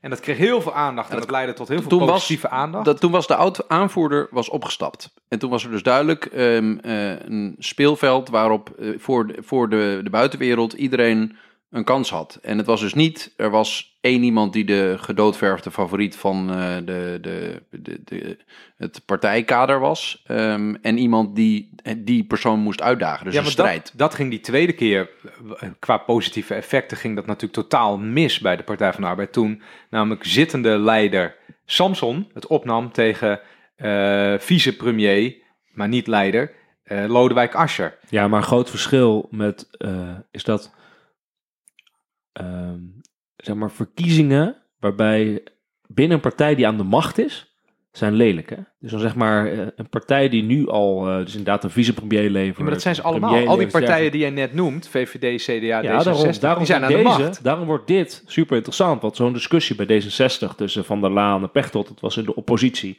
Eh, dat, dat was zelf niet mooi, maar er veel weinig te winnen of te verliezen. Rutte Verdonk was volgens mij toen ook in de eh, oppositie, denk ik. Of ik weet niet of dat waar is wat ik nu zeg. Volgens mij was het bij de eerste was het ook niet waar. Volgens mij was dit inderdaad uh, Balken ten en de opzichte drie. Balken en de vier. Dus zat zat de VVD dan niet in, want het was CDA, PvdA, ChristenUnie. Dus dat is ook een oppositie. En hetzelfde geldt eh, voor net. Je zei, de PvdA-verkiezing toen Cohen stopte, was ook in de oppositie. Ja. Dus dan is het in die zin een, een vrije eh, rol. Maar op het moment, nu gaat het om drie partijen die dus gaan discussiëren over wie de leider wordt. Ze zitten alle drie in de coalitie. En dat betekent dus ook dat ze onderling rivalen zijn in de coalitie. Want er zitten allemaal winstpersonen die het allemaal de lijsttrekker van de partij kunnen worden. Ja. Plus dus ook binnen die partij wordt het ook gezeik. Dus dat is wel heel eh, moeilijk wat hier gaat gebeuren. Dus je- er zal een soort discussie komen dat binnen die partijen dat het toch een soort dealtje zou moeten worden van gewoon degene die het populairst is, eh, overduidelijk in peilingen, die moet het dan worden. Daar gaat dan partijbestuur toch wel een beetje op aansturen, want die wil niet zo'n Samson tegen Asscher gevecht. Dus dat wordt dan heel subtiel, wordt daar natuurlijk geprobeerd dat een beetje te, te, te lijmen. Je moet niet uitvlakken dat er ook nog kan gebeuren dat er helemaal geen situatie van deeltjes en, en stiekem eh, overeenstemming is. Ja, want er zijn gewoon ego's. Ja, dat, dat, er, dat er bijvoorbeeld binnen de VVD iemand naar voren stapt die zegt... eh, de tijd van Mark Rutte die is nu wel voorbij. En zijn, eh, zijn, zijn beleid loopt nu vast en we gaan het helemaal anders doen. Ik moet, ik moet hier de chef worden. Dat, dat zou ook nog wel Ja, bij, gebeuren. bij de VVD, dat gaat niet gebeuren. Want Ru- als jij drie kabinetten hebt geleid als Rutte, je bent nog steeds zo he- populair. hele grote jongen dan zijn. moet je een hele, hele grote jongen zijn op het moment dat je nu zegt, ik ga tegen Rutte opnemen. Plus, kan nog wel het een en je ander wordt binnen gebeuren de hè, partij ben dan ook jaar. heel impopulair. Plus je wordt ook gezien gewoon als iemand die eh, met zijn rug steekt van je partijleider. Dus bij de VVD heeft Rutte echt de keuze. En er zal ook natuurlijk met partijbestuur bestoken worden. Wie heeft de beste kans? Is het toch nog een keer met Rutte gaan? Of moet je dan toch Schippers of Dijkhoff erop zetten? Maar bij het CDA is het heel anders. Want het CDA is natuurlijk de lijsttrekker van de vorige keer. Is weg. Buma, Ja. burgemeester van Leeuwarden. Nu vervolgens wordt de discussie. Ja, we hebben drie eh, mensen in het kabinet zitten die het wel kunnen worden. Ja, dat wordt een heel ander soort discussie. Want we kunnen alle drie naar voren gaan. Misschien dan bijvoorbeeld Hugo de Jonge en Hoekstra nog wel een duwtje maken. Het idee nog steeds dat iedereen ziet dat Hoekstra bij de kiezer nu populairder is. Dus Hoekstra dan zegt van ik word lijsttrekker. Nu gooi ik op de twee. Je kan alles kiezen wat je wil, wilt op het moment dat we in de regering komen. Maar je hebt natuurlijk Mona Keizer. Ja, die kan het nu bijna niet meer maken om niet te zeggen ik ga meedoen met een lijsttrekkersverkiezing. Dus Mona Keizer is daar de, de probleem. Hè, tussen, ik, wat voor teken is dit? Aanhalingstekens aanhalingstekens. Wie maar doet een eh, onduidelijk teken. Eh, en bij eh, D66 is een heel ander verhaal, want daar heb je ook een discussie. Rob Jetten wil natuurlijk eigenlijk echt wel. Maar Kaag is ook wel heel populair. Ze gaan het profileren. Dus nou, wordt ook wel een laten we even daar. vaststellen dat, dat is in ieder geval mijn gevoel, dat Kaag wil het, Jette wil het bij D66. En hoe weet ik dat? Omdat mensen namelijk grote interviews en lezingen houden. Ja, zeker. Politici doen dat alleen als ze iets willen. Eh, da- dat doen ze allebei. En bij het CDA weet, ik, weet je ook zeker dat Hoekstra en eh, eh, De Jonge, die willen het. Want die geven ook allemaal lezingen, te pas en te onpas. En Mona Keizer heeft een beetje zielig haar vinger toen ook opgestoken van... Ik ben er ook nog. Eh, dus die willen het ook. Wat, Bij- denk, wat, wat gaat er dan gebeuren? Wat denken jullie? Ik denk dat het, het, zo'n openbare leiderschapsverkiezing bij het CDA... dat is zo ontiegelijk niet des CDA's om dat op, op de voorgrond te doen. Die gaan denk ik een soort eh, Vaticaans concilie houden intern. Waarbij ze alle, iedereen die ertoe doet gaan raadplegen. En dan roept iemand witte rook, witte rook. Ja, en dan wordt en dat ze dan naar voren stappen. en Dat dat allemaal zeggen, over Wat, nee, we hebben het erover mij- gehad. het CDA dus heel interessant is dat eh, Hoekstra dus in de peilingen populairder lijkt te zijn bij de kiezers, nu. Ehm, ook wel bij het CDA-achterban, zegt een peiling van één vandaag. Maar je hoort van mensen binnen het CDA dat Hugo de Jonge daar veel, veel populairder is. En Mona Keizer wordt eigenlijk geen kans toe. Ja, daarom dicht ik die, de jongen ook goede kansen toe. Omdat mijn verwachting dus is dat ze het intern met de bobo's gaan bepalen. En dat ook het CDA-kader, eh, dat is namelijk heel erg des CDA's. Dat hebben ze ook altijd zo gedaan, Ja. eh, dat die het zo gaan doen. En dat, dat, ik denk dat te weten, omdat die leiderschapsverkiezing van, van Haarsma Buma... Ja. Toen hebben ze wel een soort verkiezing gedaan. Mhm. Eh, en er waren ook een aantal... Ik ben, Ja, de andere kandidaten, dat ben ik niet dat waren wel mensen van formaat. Maar die, Bleker er ook? die haalden allemaal bij elkaar Ja, op. Mensen van formaat, zei hij. Ja, maar ook Bleker. Of zat Bleker erbij? Uh, ik weet, kan iemand het even live factchecken? Want ik heb geen idee meer. in ieder geval, de conclusie was dat Buma die haalde echt met een Noord-Koreaanse score haalde die, eh, eh, de, de winst weer binnen. Omdat die CDA's, die zijn gewoon zo. Die stemmen dan gewoon allemaal op de leider. Dat is ook hun kracht. Ja, of En- er komt een, een, noem dat, een advies van partijbestuur.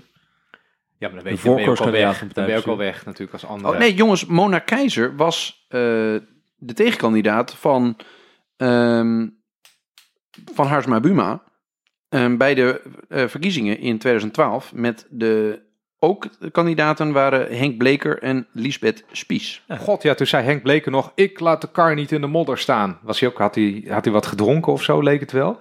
En toen hield hij helemaal zo'n over, over de top toespraak eh, dat, eh, dat Henk Bleker de kar niet in de modder laat staan of zoiets. Dat was hilarisch was het. Oké, ja. Dat knippen we er aan het einde nog wel even in, als we dat nog kunnen vinden. Oh nee, nee, nee. Hey, en, maar wat is, en wat is jullie voorspelling dan?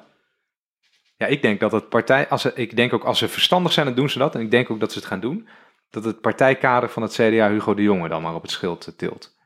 Ik denk namelijk dat eh, de populariteit van Hugo, of nee, van eh, Hoekstra is te danken aan het feit dat hij ademt. Volgens Jan Keller. Je bent je eigen stelling aan het eh Ja, uitleggen. dus hij is niet eh, daadwerkelijk populair. En ook dat meen ik ook. hij- Ja, als hij aan de ene kant, als hij op een publiekelijk optreden heeft, dan slaagt hij er toch in om empathisch met mensen te Ja. praten. Daar zijn dan diverse voorbeelden van, heel slim. En aan de andere kant, als hij dan toespraken houdt, waarvan we er ook een keer eentje ehm, onder de loep hebben gelegd, dan kraamt hij eigenlijk alleen maar platitudes uit. Ja. En ik denk dat het jij gewoon niet dus bij het CDA daardoor. denk je dus uiteindelijk dat eh, Hugo de Jong het wordt. En bij de VVD? Ja, ik denk dat eh, dat gebeurt wat altijd gebeurt. Dat de leider nog één, één keer te vaak eh, doorgaat. Ja, dus Rutte gaat door. Dat denk ik ook. Ja. Ik denk dat Rutte ook doorgaat. Zeker nu wat er gebeurt is met Dijkhoff. Ik denk dat Schippers niet terug wil.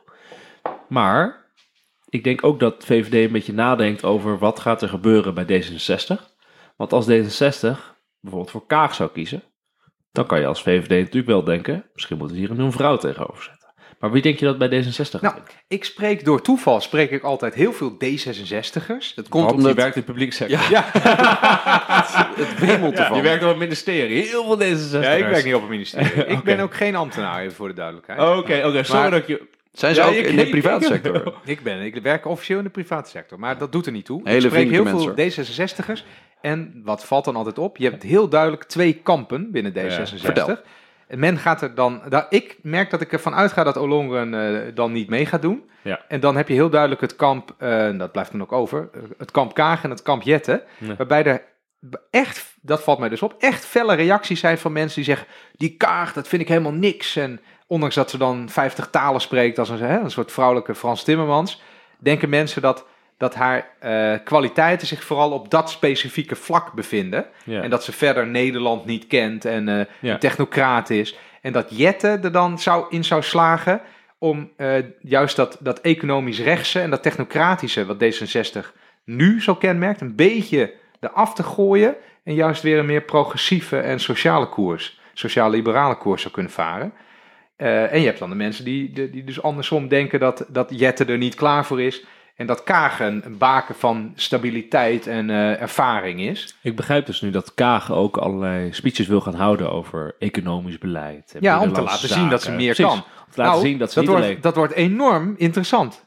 Ja, Of dat goed, een beetje goed gaat. ja, ja, zeker. Maar jij denkt, wie wordt het? Ik denk dat de, dat de zittende baas dan eh, overwint. Jet. Ja. Oké. Wat denk jij, Wouter, bij VVD, CDA, D66? Het, het, het spreekwoord is toch de, de vader... Nee, de hoop is de vader van de gedachte of zo? De hoop is het, ik weet het Nou, niet. weet ik veel. Ehm, ik, ik ga niks eh, niet positiefs Je zeggen. wil gewoon zeggen, ik ga geen voorspelling doen. Maar ik ga wel zeggen, ik ben heel erg onder de indruk van eh, eh, de leiderschapskwaliteiten van Sigrid Kaag. En zeker ook hoe die ehm, eh, internationaal mensen heeft weten te inspireren.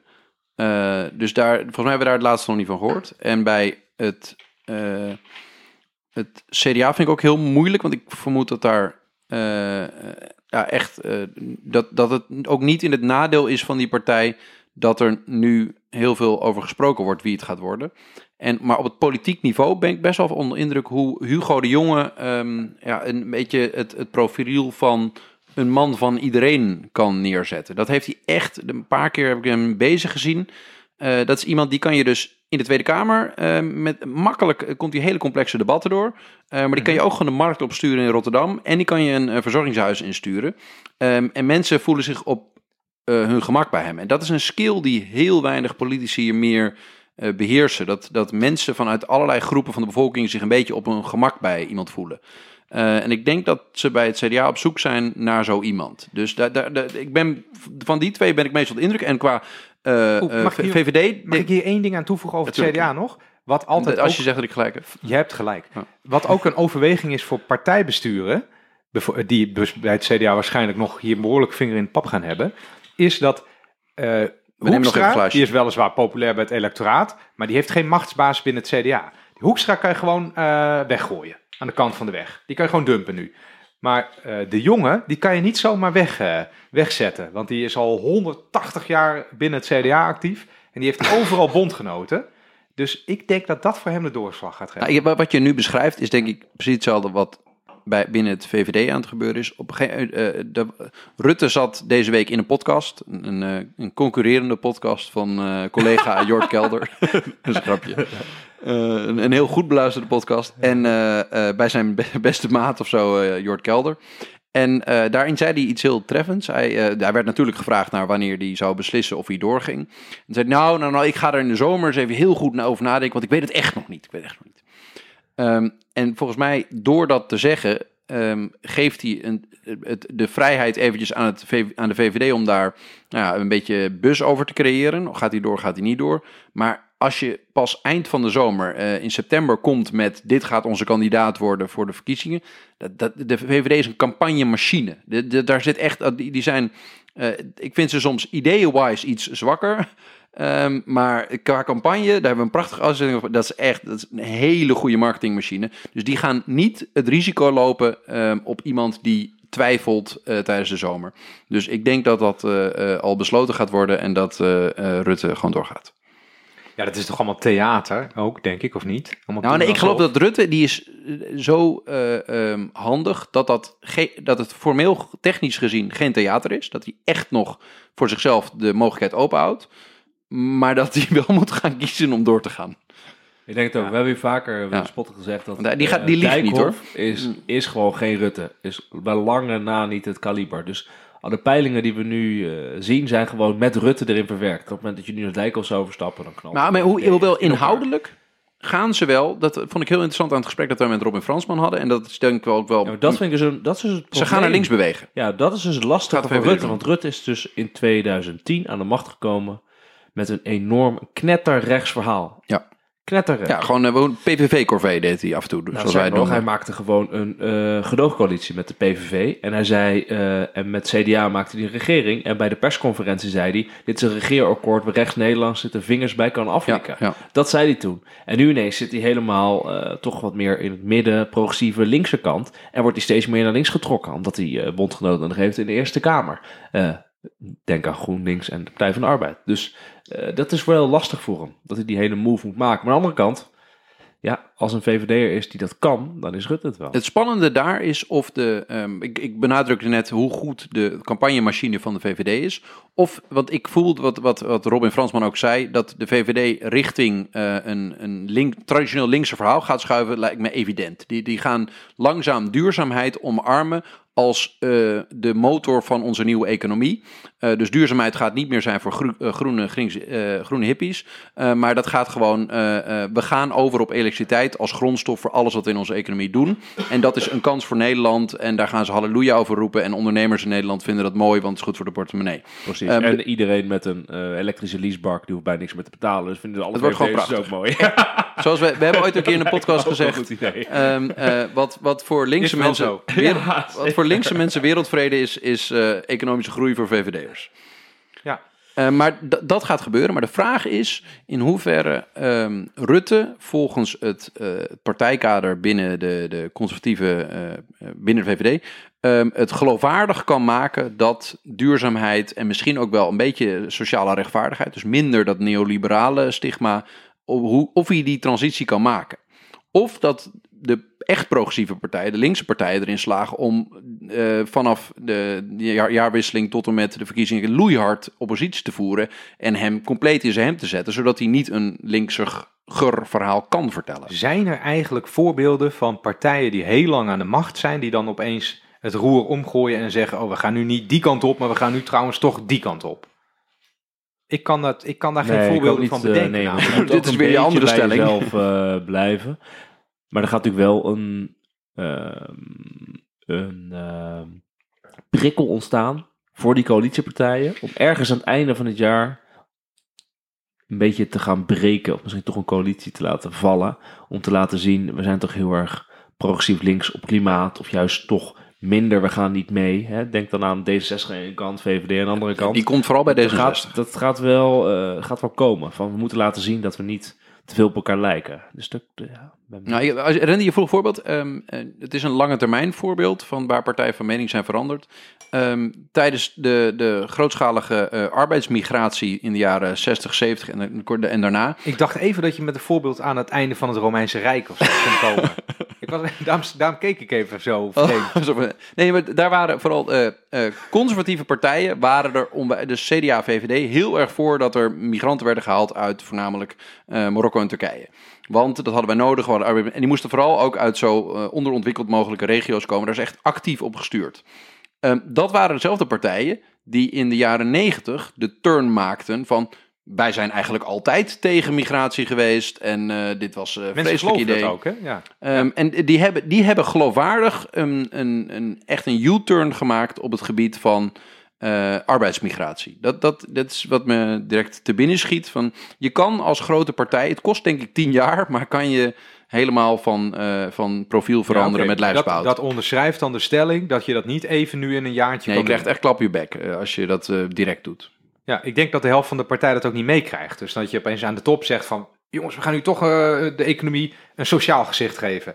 Maar dat de, de halve VVD Nou, dan... Klaas Dijkhoff je probeert het, profiel, hè? Je profiel als partij veranderen, dat duurt echt jaren en jaren. Om het geloofwaardig te veranderen. Ja. Ik had dat laatst eens bij een eh, Met je eigen interview met eh, Wouter Koolmees. Minister van SZW nu. En die zei ineens... D66. D66. Voor de kijkers zei, thuis. eh, voor de kijkers thuis. Die zei van... eh 80% van de mensen die in een eh, flexibel contract zit... Dus een, eh, een eh, contract voor bepaalde tijd... Ja? eh, dus een arbeidsovereenkomst. Die is ongelukkig. eh, wil eigenlijk in een ander om, eh, arbeidscontract zitten, misschien wel vast. Dus daar moeten we wat mee. Dat is een maatschappelijk probleem. Dit moeten we oplossen. Toen dacht ik ineens.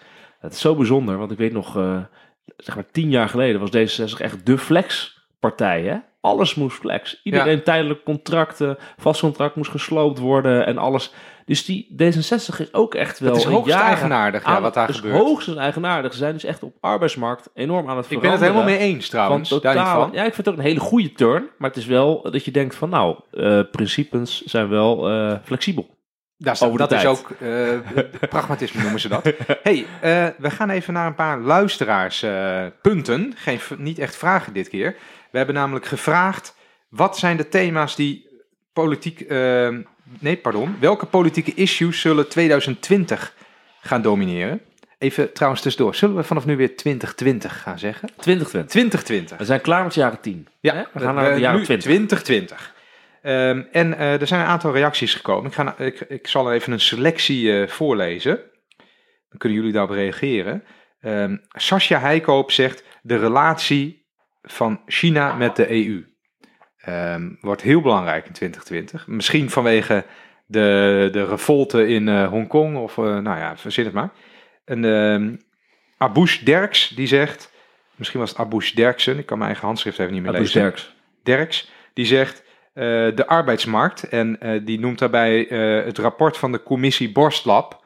Die volgens mij een soort, dat is een soort ambtelijke bobo. En die heeft een tussenrapport gegeven en die zegt, ja die flexibilisering die is doorgeschoten en dat heeft allemaal nadelen. Misschien kan jij er zo wat over zeggen, Wiemar.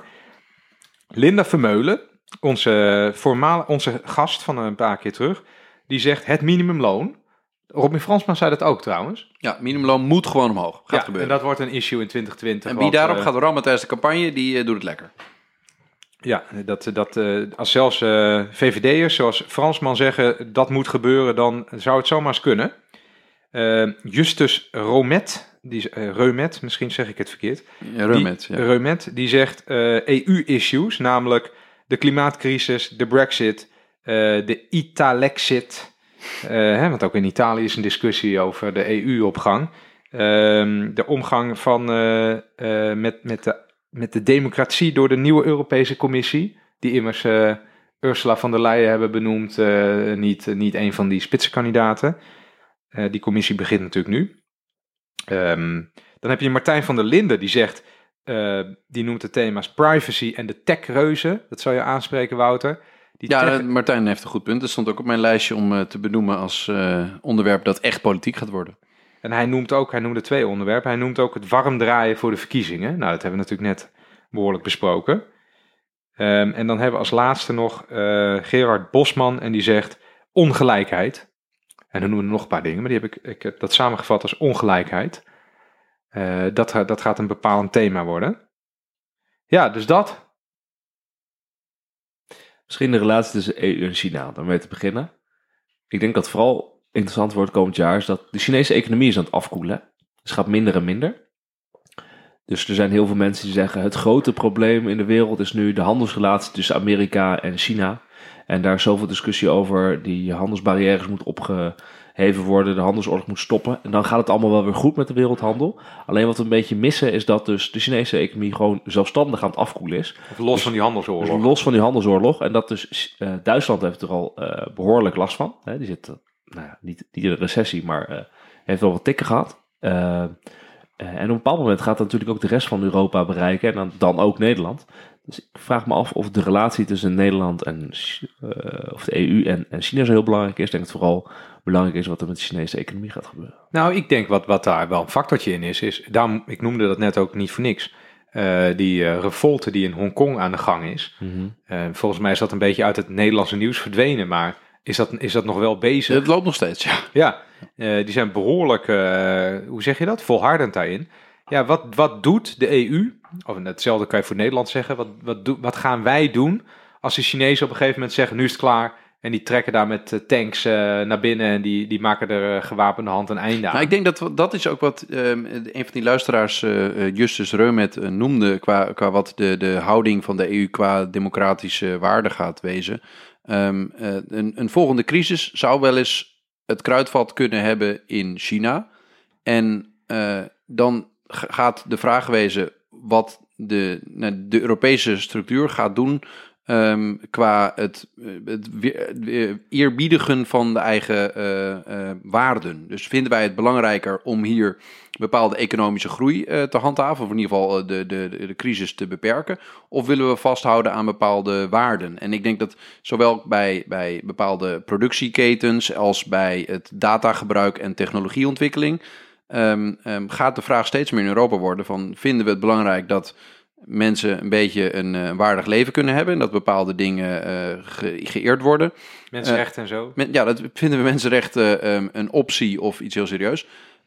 Of vinden we eigenlijk toch dat de economie eh, de, de hoogste waarde van allemaal zou moeten zijn? Eh, ik denk dat dat ook bedoeld wordt met. met Nou ja, je met kan ook kwestie. zeggen, tot nu toe gebeuren er ook wel een paar dingen in China die we in Europa niet normaal zouden vinden. Nee, maar in vette jaren is dat nog altijd. eh, Ja, en het is natuurlijk niet zo zichtbaar als dat je ergens met tanks over een brug naar Hongkong trekt. Ehm, als mocht het zo zijn in 2020 dat China er echt heel hardhandig gaat ingrijpen, ehm, eh, dan- wordt het steeds meer, dus de druk neemt toe op een Europese Commissie om morelere standpunten in te nemen. En dan niet, niet alleen aan te houden dat wij een economische eenheid zijn die eh, de, de, de welvaartverhoging van de mensen binnen de Europese Unie eh, nastreven, maar misschien ook wel een waardegemeenschap zijn die uitstraalt naar de rest van de wereld dat wij handel doen, maar dat er bepaalde grenzen zitten aan die handel. En durf je dat als de grootste economie van de wereld dan, China, ehm, misschien wel de, de instigator van een volgende crisis zou kunnen gaan zijn? Ja, ik denk, eh, je kan in ieder geval eh, op je bui, hoe zeg je dat? Je kan in ieder geval uittekenen dat China zich niks gaat aantrekken van een waarschuwing eh, uit Europa. Dus ja, dat, gaat dat gaat in Europa kijkt nog heel wel een beetje moeilijk te worden. kijken. Nou, Ja. ja, omdat ik, ik, ik, eh, ik dit, ik, eerlijk gezegd, denk ik wel dat Europa dus allerlei brieven gaat sturen. Boze brief. Boze brieven. Er komen gaan uh, commissarissen, uh, Eurocommissarissen gaan daar naartoe en die gaan verhalen vertellen en er wordt diplomatie en dergelijke. En heel misschien komt er een bepaalde uh, tarief of een bepaald verbod op producten. Maar als ik eerlijk ben, zie ik niet dat uh, Europa daar economische sancties gaat toepassen. Zo. Want tot nu toe gebeurt dat niet. Hè? Ik bedoel, van Europa heeft ook vrij weinig gedaan. Als noemen ze een paar recente conflicten of discussies. Uh, toen Rusland Oekraïne binnenval, viel, de Krim, gebeurde helemaal niks. Syrië. Toen in Syrië, Europa deed helemaal niks. Op het moment dat uh, Amerika, Trump en alle discussies over uh, oorlogen, handelsoorlogen en dergelijke, Europa deed helemaal niks. Dus ik vraag me af of Europa op het moment dat het in Hongkong dan een beetje uit de hand gaat lopen, of Europa dan echt wat gaat doen. Zeker omdat je weet dat de grootste economie van Europa heel erg afhankelijk is van de Chinese handel, namelijk Duitsland. Dus ik kan me eigenlijk niet zo goed voorstellen, en misschien is het wat cynisch, dat daar enorme uh, repercussies gaan optreden nou, vanuit de Europese. Je kan zeggen, dat klinkt een beetje flauw, maar misschien is dat wel serieus, dat de grote kracht van de Europese Unie is om ook niet te reageren op dingen die in de buitenwereld uh, gebeuren. Want de meeste buitenlandse interventies die lopen natuurlijk uit op rampen. Volgens mij hebben de jaren nul hebben dat uh, klopt, geleerd klopt. met invasie in Irak en Libië en Afghanistan. Ja, maar we gaan natuurlijk geen. Ik bedoel, de Europese Unie gaat natuurlijk geen troepen naar Hongkong sturen. Nee, of nee, nee, maar wat nooit gebeurt. Nou, nee, maar ook, ook hetzelfde geldt voor een, een heel agressief handelsoorlogbeleid. Uh, nee, ik denk dat we dat niet gaan doen. Maar wat ik wel denk is dat een ander. Uh, uh, als, we, als het over. We hadden het net over politieke turns. Waar, waar, waar uh, ideologische stromingen uh, van mening zijn veranderd. Wat ik denk dat gaat veranderen. Waar ik zelf ook wel van mening verander. Is dat in Europa een soort meer. Um, het moet bij ons geproduceerd zijn. Een bescheiden protectionistische houding. Dat dat normaler gaat worden. Dat, dat ook progressieve ja, dat mensen het, het ja. idee dat we misschien onze energievoorziening, onze uh, levensmiddelenvoorziening, onze uh, uh, gewoon consumptiegoederen, dat we die steeds meer willen gemaakt hebben op Europese bodem. Dat dat niet meer een soort conservatief anti-vrijhandelsverhaal gaat wezen, maar dat dat ook dat progressieve mensen dat helemaal oké okay gaan vinden. Denk jij ook niet als, als tech en data en weet ik veel wat kenner, dat dat met name gaat gelden voor technologische producten. Ja, ja, een van de eerste dingen die de nieuwe Europese Commissie naar buiten heeft gebracht, is het idee, en Duitsland is daar voorlopig mee, een soort Europese cloud-strategie. Om het heel simpel te zeggen, onze data staat nu voornamelijk op datacenters die eigendom zijn van bedrijven die niet Europees zijn, op plekken niet in Europa. Um, ja. En misschien vinden we dat op lange termijn niet een fijne gedachte. Dus de Amerikanen als... weten al onze geheimpjes. Al, als komt het op neer? Uh, de Amerikaanse overheid daar zich toe genoodzaakt ziet, of de Chinese overheid zich daartoe genoodzaakt ziet, um, uh, is dat de, binnen de mogelijkheden. Um, en dus als, ja. Ja, als je, als ja. je data ziet als een soort nieuwe kolen van de 21ste eeuw, um, dan zul je ook heel goed moeten gaan nadenken over, weet je, je had in uh, 19, wat is het, 56 de, de EGKS, geloof ik. Uh, de Europese gemeenschap van uh, kolen en staal. Uh, dat, dat is opgekomen omdat kolen toen en staal wa waren de cruciale productiefactoren waarmee je oorlog voerde. Ja. Je ziet nu al in het publieke debat steeds meer ontstaan dat oorlogsvoering voornamelijk online via informatiebeheersing en informatietoegang gevoerd wordt. Dan zul je dus als waardegemeenschap in Europa ook heel goed met, met elkaar om tafel moeten gaan zitten en nadenken van wat ja. gaan we op het gebied van databeheer, databeveiliging, datarechten, datawaarden uh, met, elkaar gaan, met elkaar afspreken om te zorgen dat wij onze manier van leven hier gaan waarborgen. Ja, wat ben ik heel erg met je eens. Dus ik denk dat dat op twee terreinen gaat gebeuren. Dat Europa zichzelf gaat beschermen of protectionistisch gaat worden. Namelijk op energievoorziening. Ja. Dus uh, gas, olie, uh, van buiten Europa, daar willen we minder afhankelijk van worden. En daarbij past het ook in de hele groene economie, de Green Deal van Europa, zeg maar. En daarnaast wordt het data, want dat is gewoon veel te belangrijk. Dus we gaan onze Europese Ja, dus onder de vlag van gaan we groenheid en duurzaamheid gaan we eigenlijk en privacy. geopolitiek beleid voeren. Ja, duurzaamheid, ja, ik zeg, privacy, dat wou ik ja. zeggen. Ja, ja dat, dat, zeker. Daarmee, uh, daar, op basis daarvan gaat geopolitiek uh, beleid gevoerd worden. Maar het punt eerder was, gaan wij China gaan we die uh, Nee, we gaan niet actief uh, fuck you doen. Als er in Hongkong dingen gebeuren, dat gaan we niet doen. Nee, denk ik ook niet. Weet je nog dat Tibet vroeger echt een, uh, een issue was? Ja. Hè? Ja. maar sinds de Dalai Lama wat ouder wordt, is het eigenlijk vergeten. Hoe gaat hem? Leeft hij nog? Hij leeft nog, ja. ja? Dat vind ik altijd een leuke categorie in, eh, als ik een pubquizje uh, De maak. death list. Van, eh, leeft hij nog of is hij dood? Er zijn best wel veel mensen waarvan je denkt, god, is hij nou dood of leeft hij nog? Ja, precies. Ja. dat is altijd een goede vraag. Hey, eh, eh, die andere, ja. een andere vraag, toch? Over de commissie Borstlab. Ja, ik denk, we gaan al Oh ja, nou, dat is een beetje... Ja, Ja, dat is toch... ik denk wel dat we moeten zeggen dat we ze niet allemaal moeten bespreken, omdat we echt al anderhalf Ja, we zijn al anderhalf uur aan het babbelen. Oh, We- echt? Geven onszelf ook de vrijheid om gewoon... eh, De commissie Borstlab Ja. gaat een enorm belangrijke eh, rapport afleveren. Een eindrapport over hoe de nieuwe arbeidsmarkt eruit moet zien. Kan je even uitleggen waarom de commissie Borstlap er überhaupt toe doet? Eh, die doet er überhaupt toe omdat eh, de Nederlandse arbeidsmarkt wat veranderd is. Had je, had je vooral werknemers eh, met vaste contracten. En nu hebben we ook mensen met tijdelijke contracten. En Maar waarom, wordt dit een rapport wat niet En- gewoon in een la verdwijnt, zoals bij de meeste Omdat verstandige dit rapport dus gaat over eh, regulering van de nieuwe arbeidsmarkt. Hoe moet je de nieuwe arbeidsmarkt, hoe moet je daarmee omgaan?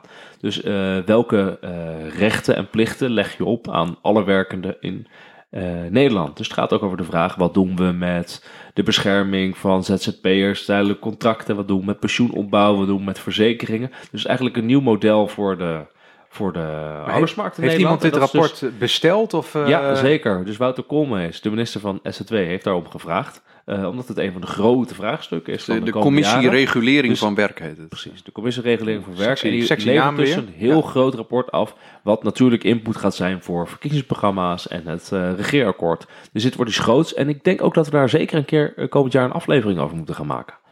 Misschien zelfs met een gast als, nou, laten we Als Hans nadenken. Of Fabian Dekker is een, een, persoon die er vaak eh, over nadenkt. Laten we over namen brainstormen Maar dit is een van de belangrijke rapporten van het komend jaar. Net als een aantal andere rapporten. Je hebt ook nog het, heel belangrijk, het IBO-toeslagen. Eerder over gehad. Dus er komt begin komend jaar komt er een heel groot rapport. Een Van de overheid zelf? Beleidsonderzoek van de overheid zelf over toeslagen. Maar dus hoe gaan we het toeslagenstelsel hervormen?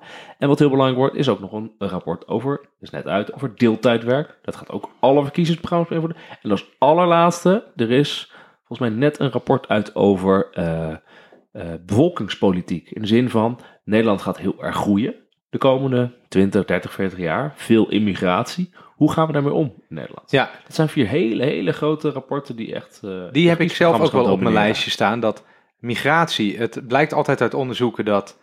dat is, het, is, het is continu een belangrijk onderwerp. Het staat niet altijd bovenaan, maar mensen maken zich daar zorgen over. Ja.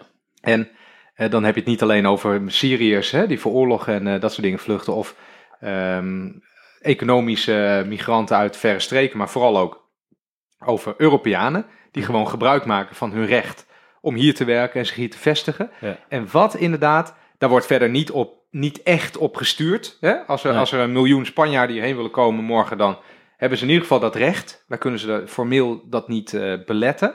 Wat gaan we nou doen als we op een gegeven moment in Nederland tegen elkaar zeggen: God, het, zijn, hè? het loopt hier nou toch wel vast. Wat een boel. Eigenlijk, de wegen zijn vol, de treinen zijn vol, de ziekenhuizen zijn vol, er zijn te weinig huizen. Regering, kunt u er wat aan doen? En dan zegt de regering: Ja, maar dat, dat mag helemaal niet van het verdrag van de Europese Unie. Hè? Ja, dat is buiten dat, de komende tien jaar, door de vergrijzing, hebben we natuurlijk steeds minder werkende mensen in Nederland en steeds, minder niet wer- steeds meer niet werkende mensen waar we voor ook dingen moeten betalen. Dus eh, wordt er nu gevraagd, oké, eh, wat gaan we nu doen om eh, te zorgen dat we wel genoeg kunnen verdienen met elkaar? Dan hebben we werkende mensen nodig. En een van de dingen die natuurlijk gaat gebeuren is dat de immigratie uit Europa zoveel hoger zal zijn dan we nu verwachten. Want al die werkgevers, wat jij net zei over het voorbeeld uit de jaren 70, dat de VVD actief stuurde op verzoek van de werkgevers om migranten binnen te halen uit eh, Marokko, Turkije, dat hoeft nu niet meer. Want nu kan je gewoon al die migranten uit Europa halen. Ja. Dus dit wordt is- Gebeurt in dat- ba- dat- bepaalde dus- sectoren ja, dus al, Dat eh, gebeurt nu sterk. al. Dat gebeurt nu al. Maar de werkgevers gaan het massaal en massaal doen, want die hebben arbeidskrachten nodig. Ehm, dus die gaan eh, gewoon uit Oost-Europa allerlei eh, eh, arbeidsmigranten halen. En dat gaat alle voorspellingen ver en ver overtreffen die we nu maken van, eh, van de immigratie de komende jaren. Dus het gaat enorme discussies opleveren over huisvesting, over scholing, over sportvoorziening. Eigenlijk de hele Pinkhorst-discussie van het begin van deze uitzending. Misschien moeten we over Dat een jaartje weer een Binkhorst aflevering doen. tienvoudige de komende 10, 20 jaar eh, komen. Ja, ik denk dat dit een ultiem voorbeeld is. Het, misschien het nummer één voorbeeld van eh, wat ik eerder noemde, waar de overheid de grip op de zaken verliest. Ja. Want dit is bij uitstek iets, daar heb je gewoon geen grip op. En de gevolgen, hè, op hoeveel mensen er komen. En de gevolgen van al die mensen is eh, immens op Ja. eh, hè, scholing en weet ik veel wat je allemaal net noemde. En Eh, vergeet niet dat, toch nog even, als je kijkt naar analyses over de Brexit, Ja. zit immigratie uit Europa. ja, want daar hebben ze ook een van de prognoses factoren gemaakt van hoeveel Polen voor komen de hier. Brexit hebben gekozen. Ja, ja want eh, Dus die hebben weer grip erop Het doet straks. echt wat met je mensen, die worden erdoor, die, ja, die, die krijgen er gevoelens door. En dat, dat zou ook mijn voorspelling zijn voor 2020 of misschien een jaartje daarna, hè, want eh, we kijken natuurlijk enorm ver vooruit. Dat de politici die ehm, het goed gaan doen of die, hè, die heel belangrijk worden, zijn politici die op een gegeven moment zeggen: ehm, Ja, ik weet wel dat we dit verdrag getekend hebben of dat hier een regel is waar eh, staat dat het niet mag, maar ik ga dat toch doen. Maar ja, Want de ijzeren wet van beleidsbaat, hè? De ijzeren wet van beleidsbaat. Ja, maar dat zijn de ambtenaren. nee, maar dit gaat toch lang duren voordat politici in Nederland eh, dit soort dingen gaan zeggen. Want als je het hebt over partijen die doen ehm, waar ze dan voor zijn. eh, ik las laatst een bericht dat in Italië, wat natuurlijk hè, de aankomstplek was van heel veel, eh, dat is een heel ander soort migratie, heel veel mensen uit Afrika, dat het aantal migranten met 90% was gedaald, omdat eh, die Italiaanse regering zegt, ja, wij, eh, wij laten gewoon geen boten meer binnen. En die hadden allemaal wat shady deals eh, via hun geheime dienst met allemaal Libische oorlogsgroeperingen die vluchtelingen tegenhielden. Dat is allemaal waarschijnlijk schrijnend. Maar de Italianen die zullen zeggen, oh, oh, twi- 90% minder migratie. Nou, daarvoor heb ik gestemd op die lui. Dus, eh, nou, dat ziet er goed uit. Ah, dit, dit- nou, oké, volgende onderwerp. Nou, Volgende vraag. Ja, het minimumloon zat, eh, was Oh, de ja. volgende. Ik denk dat, Laten we die als alle- laatste doen. ik denk dat SP, GroenLinks, D66 en PvdA allemaal gaan voorstellen om het minimumloon te verhogen in een verkiezingsprogramma. Ja, ik Misschien denk ook dat dat breder is. Ook het CDA. Ik denk dat de vraag gaat wezen of die linkse PVV partijen eindelijk een beetje flink oppositie gaan voeren. Ehm, met, met, met, met alle respect voor al die mensen, dat, daar kan echt wel een, eh, een versnellingje bij. Ehm, en dat ga je kunnen afmeten aan duidelijke doelen stellen. Gewoon heldere verhalen van dit wil ik, als u op mij stemt, ga ik dit voor u fixen.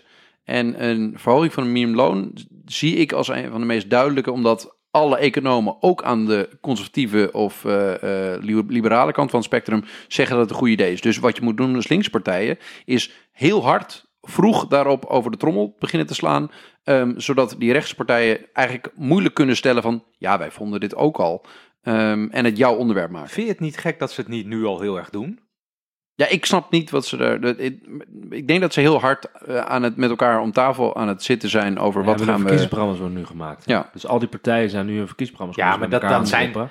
Dat is, een, dat is ook een, eh, hoe zeg je dat? Ik wil niet zeggen een technocratisch product. Dat is ook Ja, een, een- een groepje mensen. Dat is, dat is wel, dat zijn altijd hele belangrijke mensen binnen partijen. Ehm, maar het gaat er toch gewoon om wat partijleiders zeggen in het openbaar. Van hier staan wij voor, hier gaan we voor. Dat kun je nu gewoon roepen. Klopt. Zou- Zouden ze nog twijfelen of het minimumloon omhoog moet? Dat hoop ik toch niet. Hè? Zoals Robin Fransman, die, eh, die, die, eh, die vond dat het geloof ik naar 15 euro moest. Ik denk trouwens, ben ik ook benieuwd hoe jij erover denkt, Wouter. Gaan we nou, wij zijn allemaal een beetje linkse jongens, hè? eh, verraden we af en toe wel eens. Gaan we nou een beetje een revival zien van links?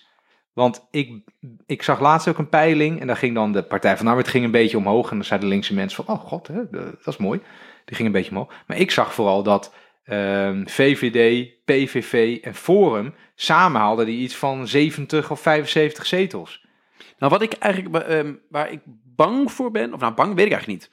Ehm, partijen zijn een middel, hè? Partijen zijn niet een doel op zich. Partijen zijn middelen om bepaalde idealen die mensen in het leven hebben of eh, maatschappelijke belangen, om die om te zetten in, in regeringsbeleid en wetten en, en uitvoering van die wetten. Ehm, wat ik denk dat misschien wel eens kan gaan gebeuren, is dat ook die rechtse partijen allemaal zich gaan realiseren van, jongens, dit, we zijn een land geworden dat heel goed is voor kleine groepen mensen, dat heel goed is voor de fiscale eh, belangen van bedrijven, ehm, dat heel veel gebabbeld heeft over migratie en identiteit zonder daar echt wezenlijk iets op te doen.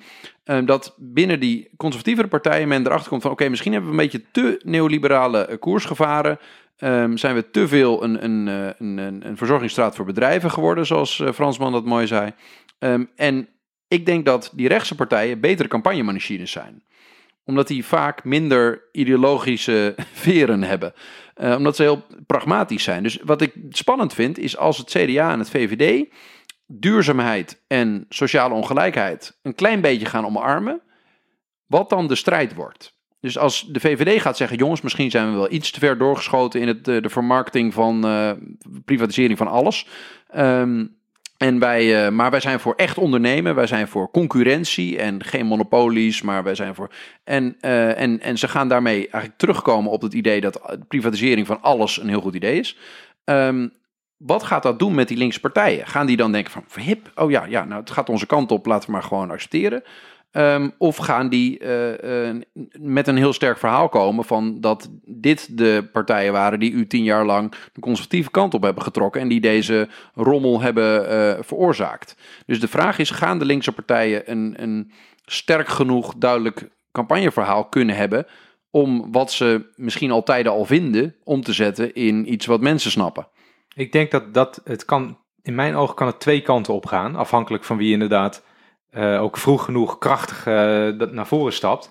Dat of, uh, ik denk dat het dus wel zou kunnen dat bijvoorbeeld de Partij van de Arbeid een krachtige uh, terugkeer maakt. Met, met een heldere linkse sociaal-economische agenda en een hele realistische agenda. Bijvoorbeeld arbeidsmigratie en dergelijke. Maar ik ken, die partij natuurlijk ook een beetje van, nou, ik, weet het ook niet helemaal zeker of dat dan gaat lukken. Maar ik zie dan ook wel voor me dat uh, Forum voor Democratie, en nou is Thierry Baudet natuurlijk een beetje een gekkie, hè, dat, dat zie ik ook wel. Uh, maar dat die kunnen, die zijn natuurlijk nieuw, die kunnen ook met een hele populaire linkse sociaal-economische agenda komen. En dan denken hun rechtse kiezers, ah, dat doen ze toch niet, dat menen ze toch niet.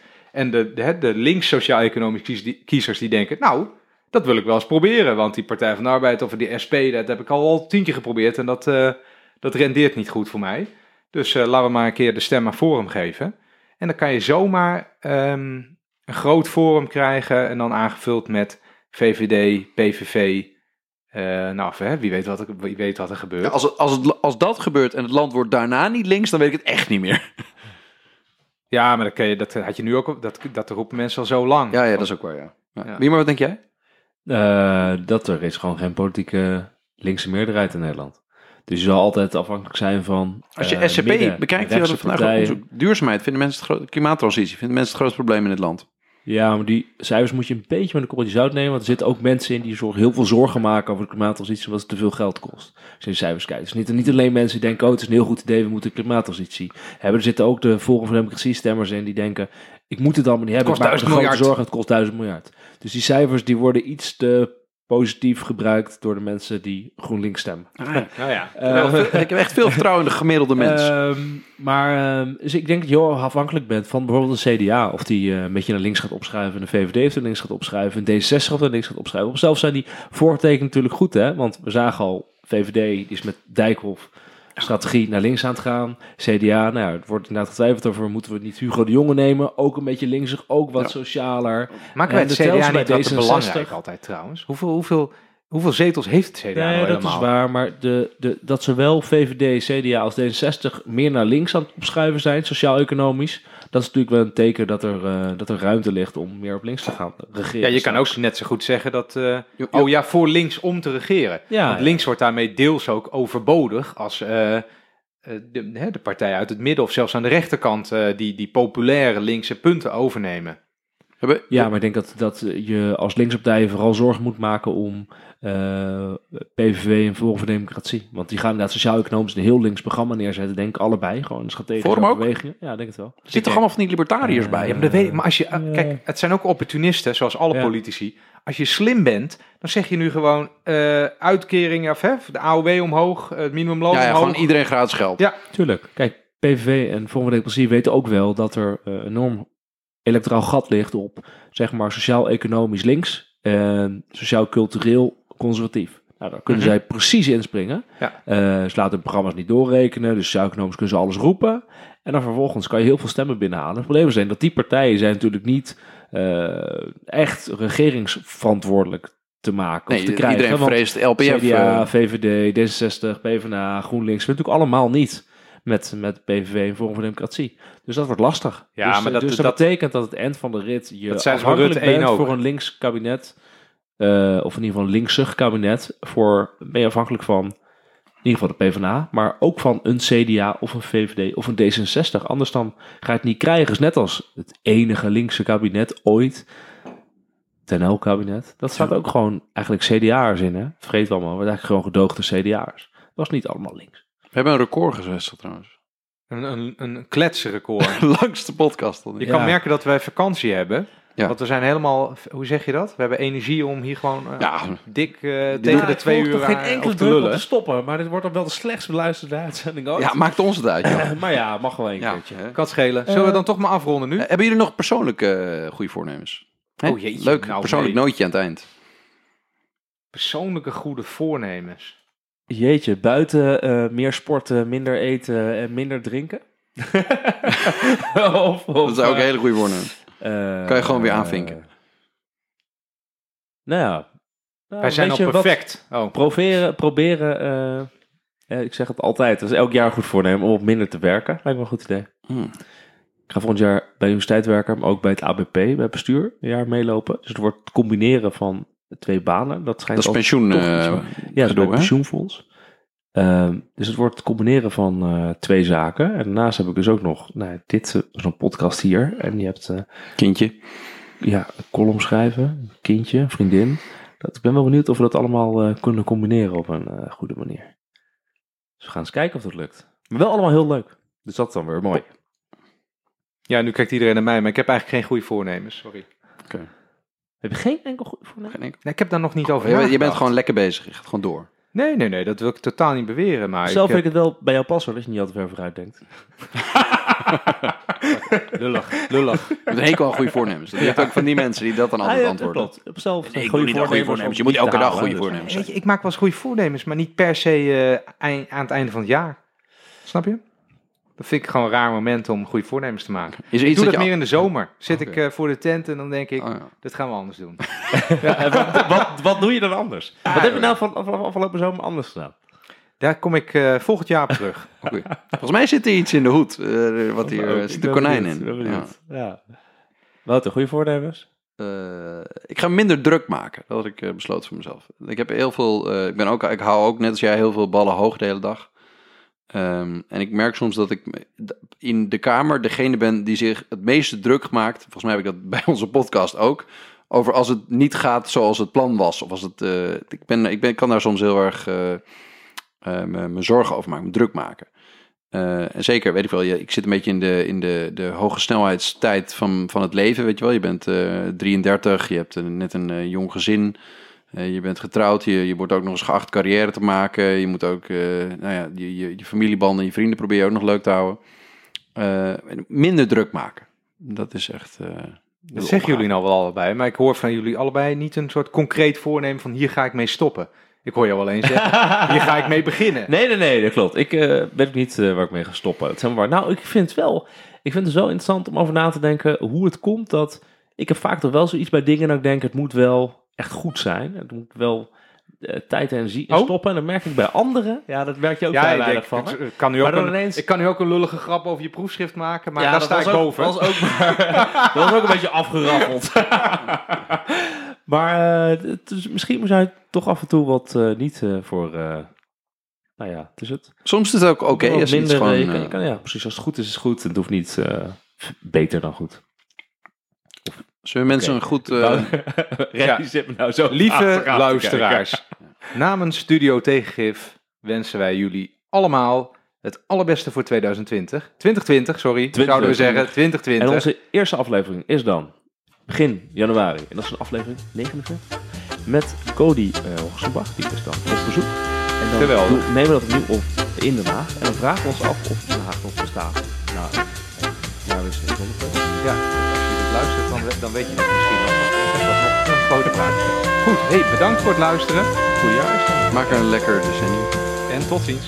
Zo.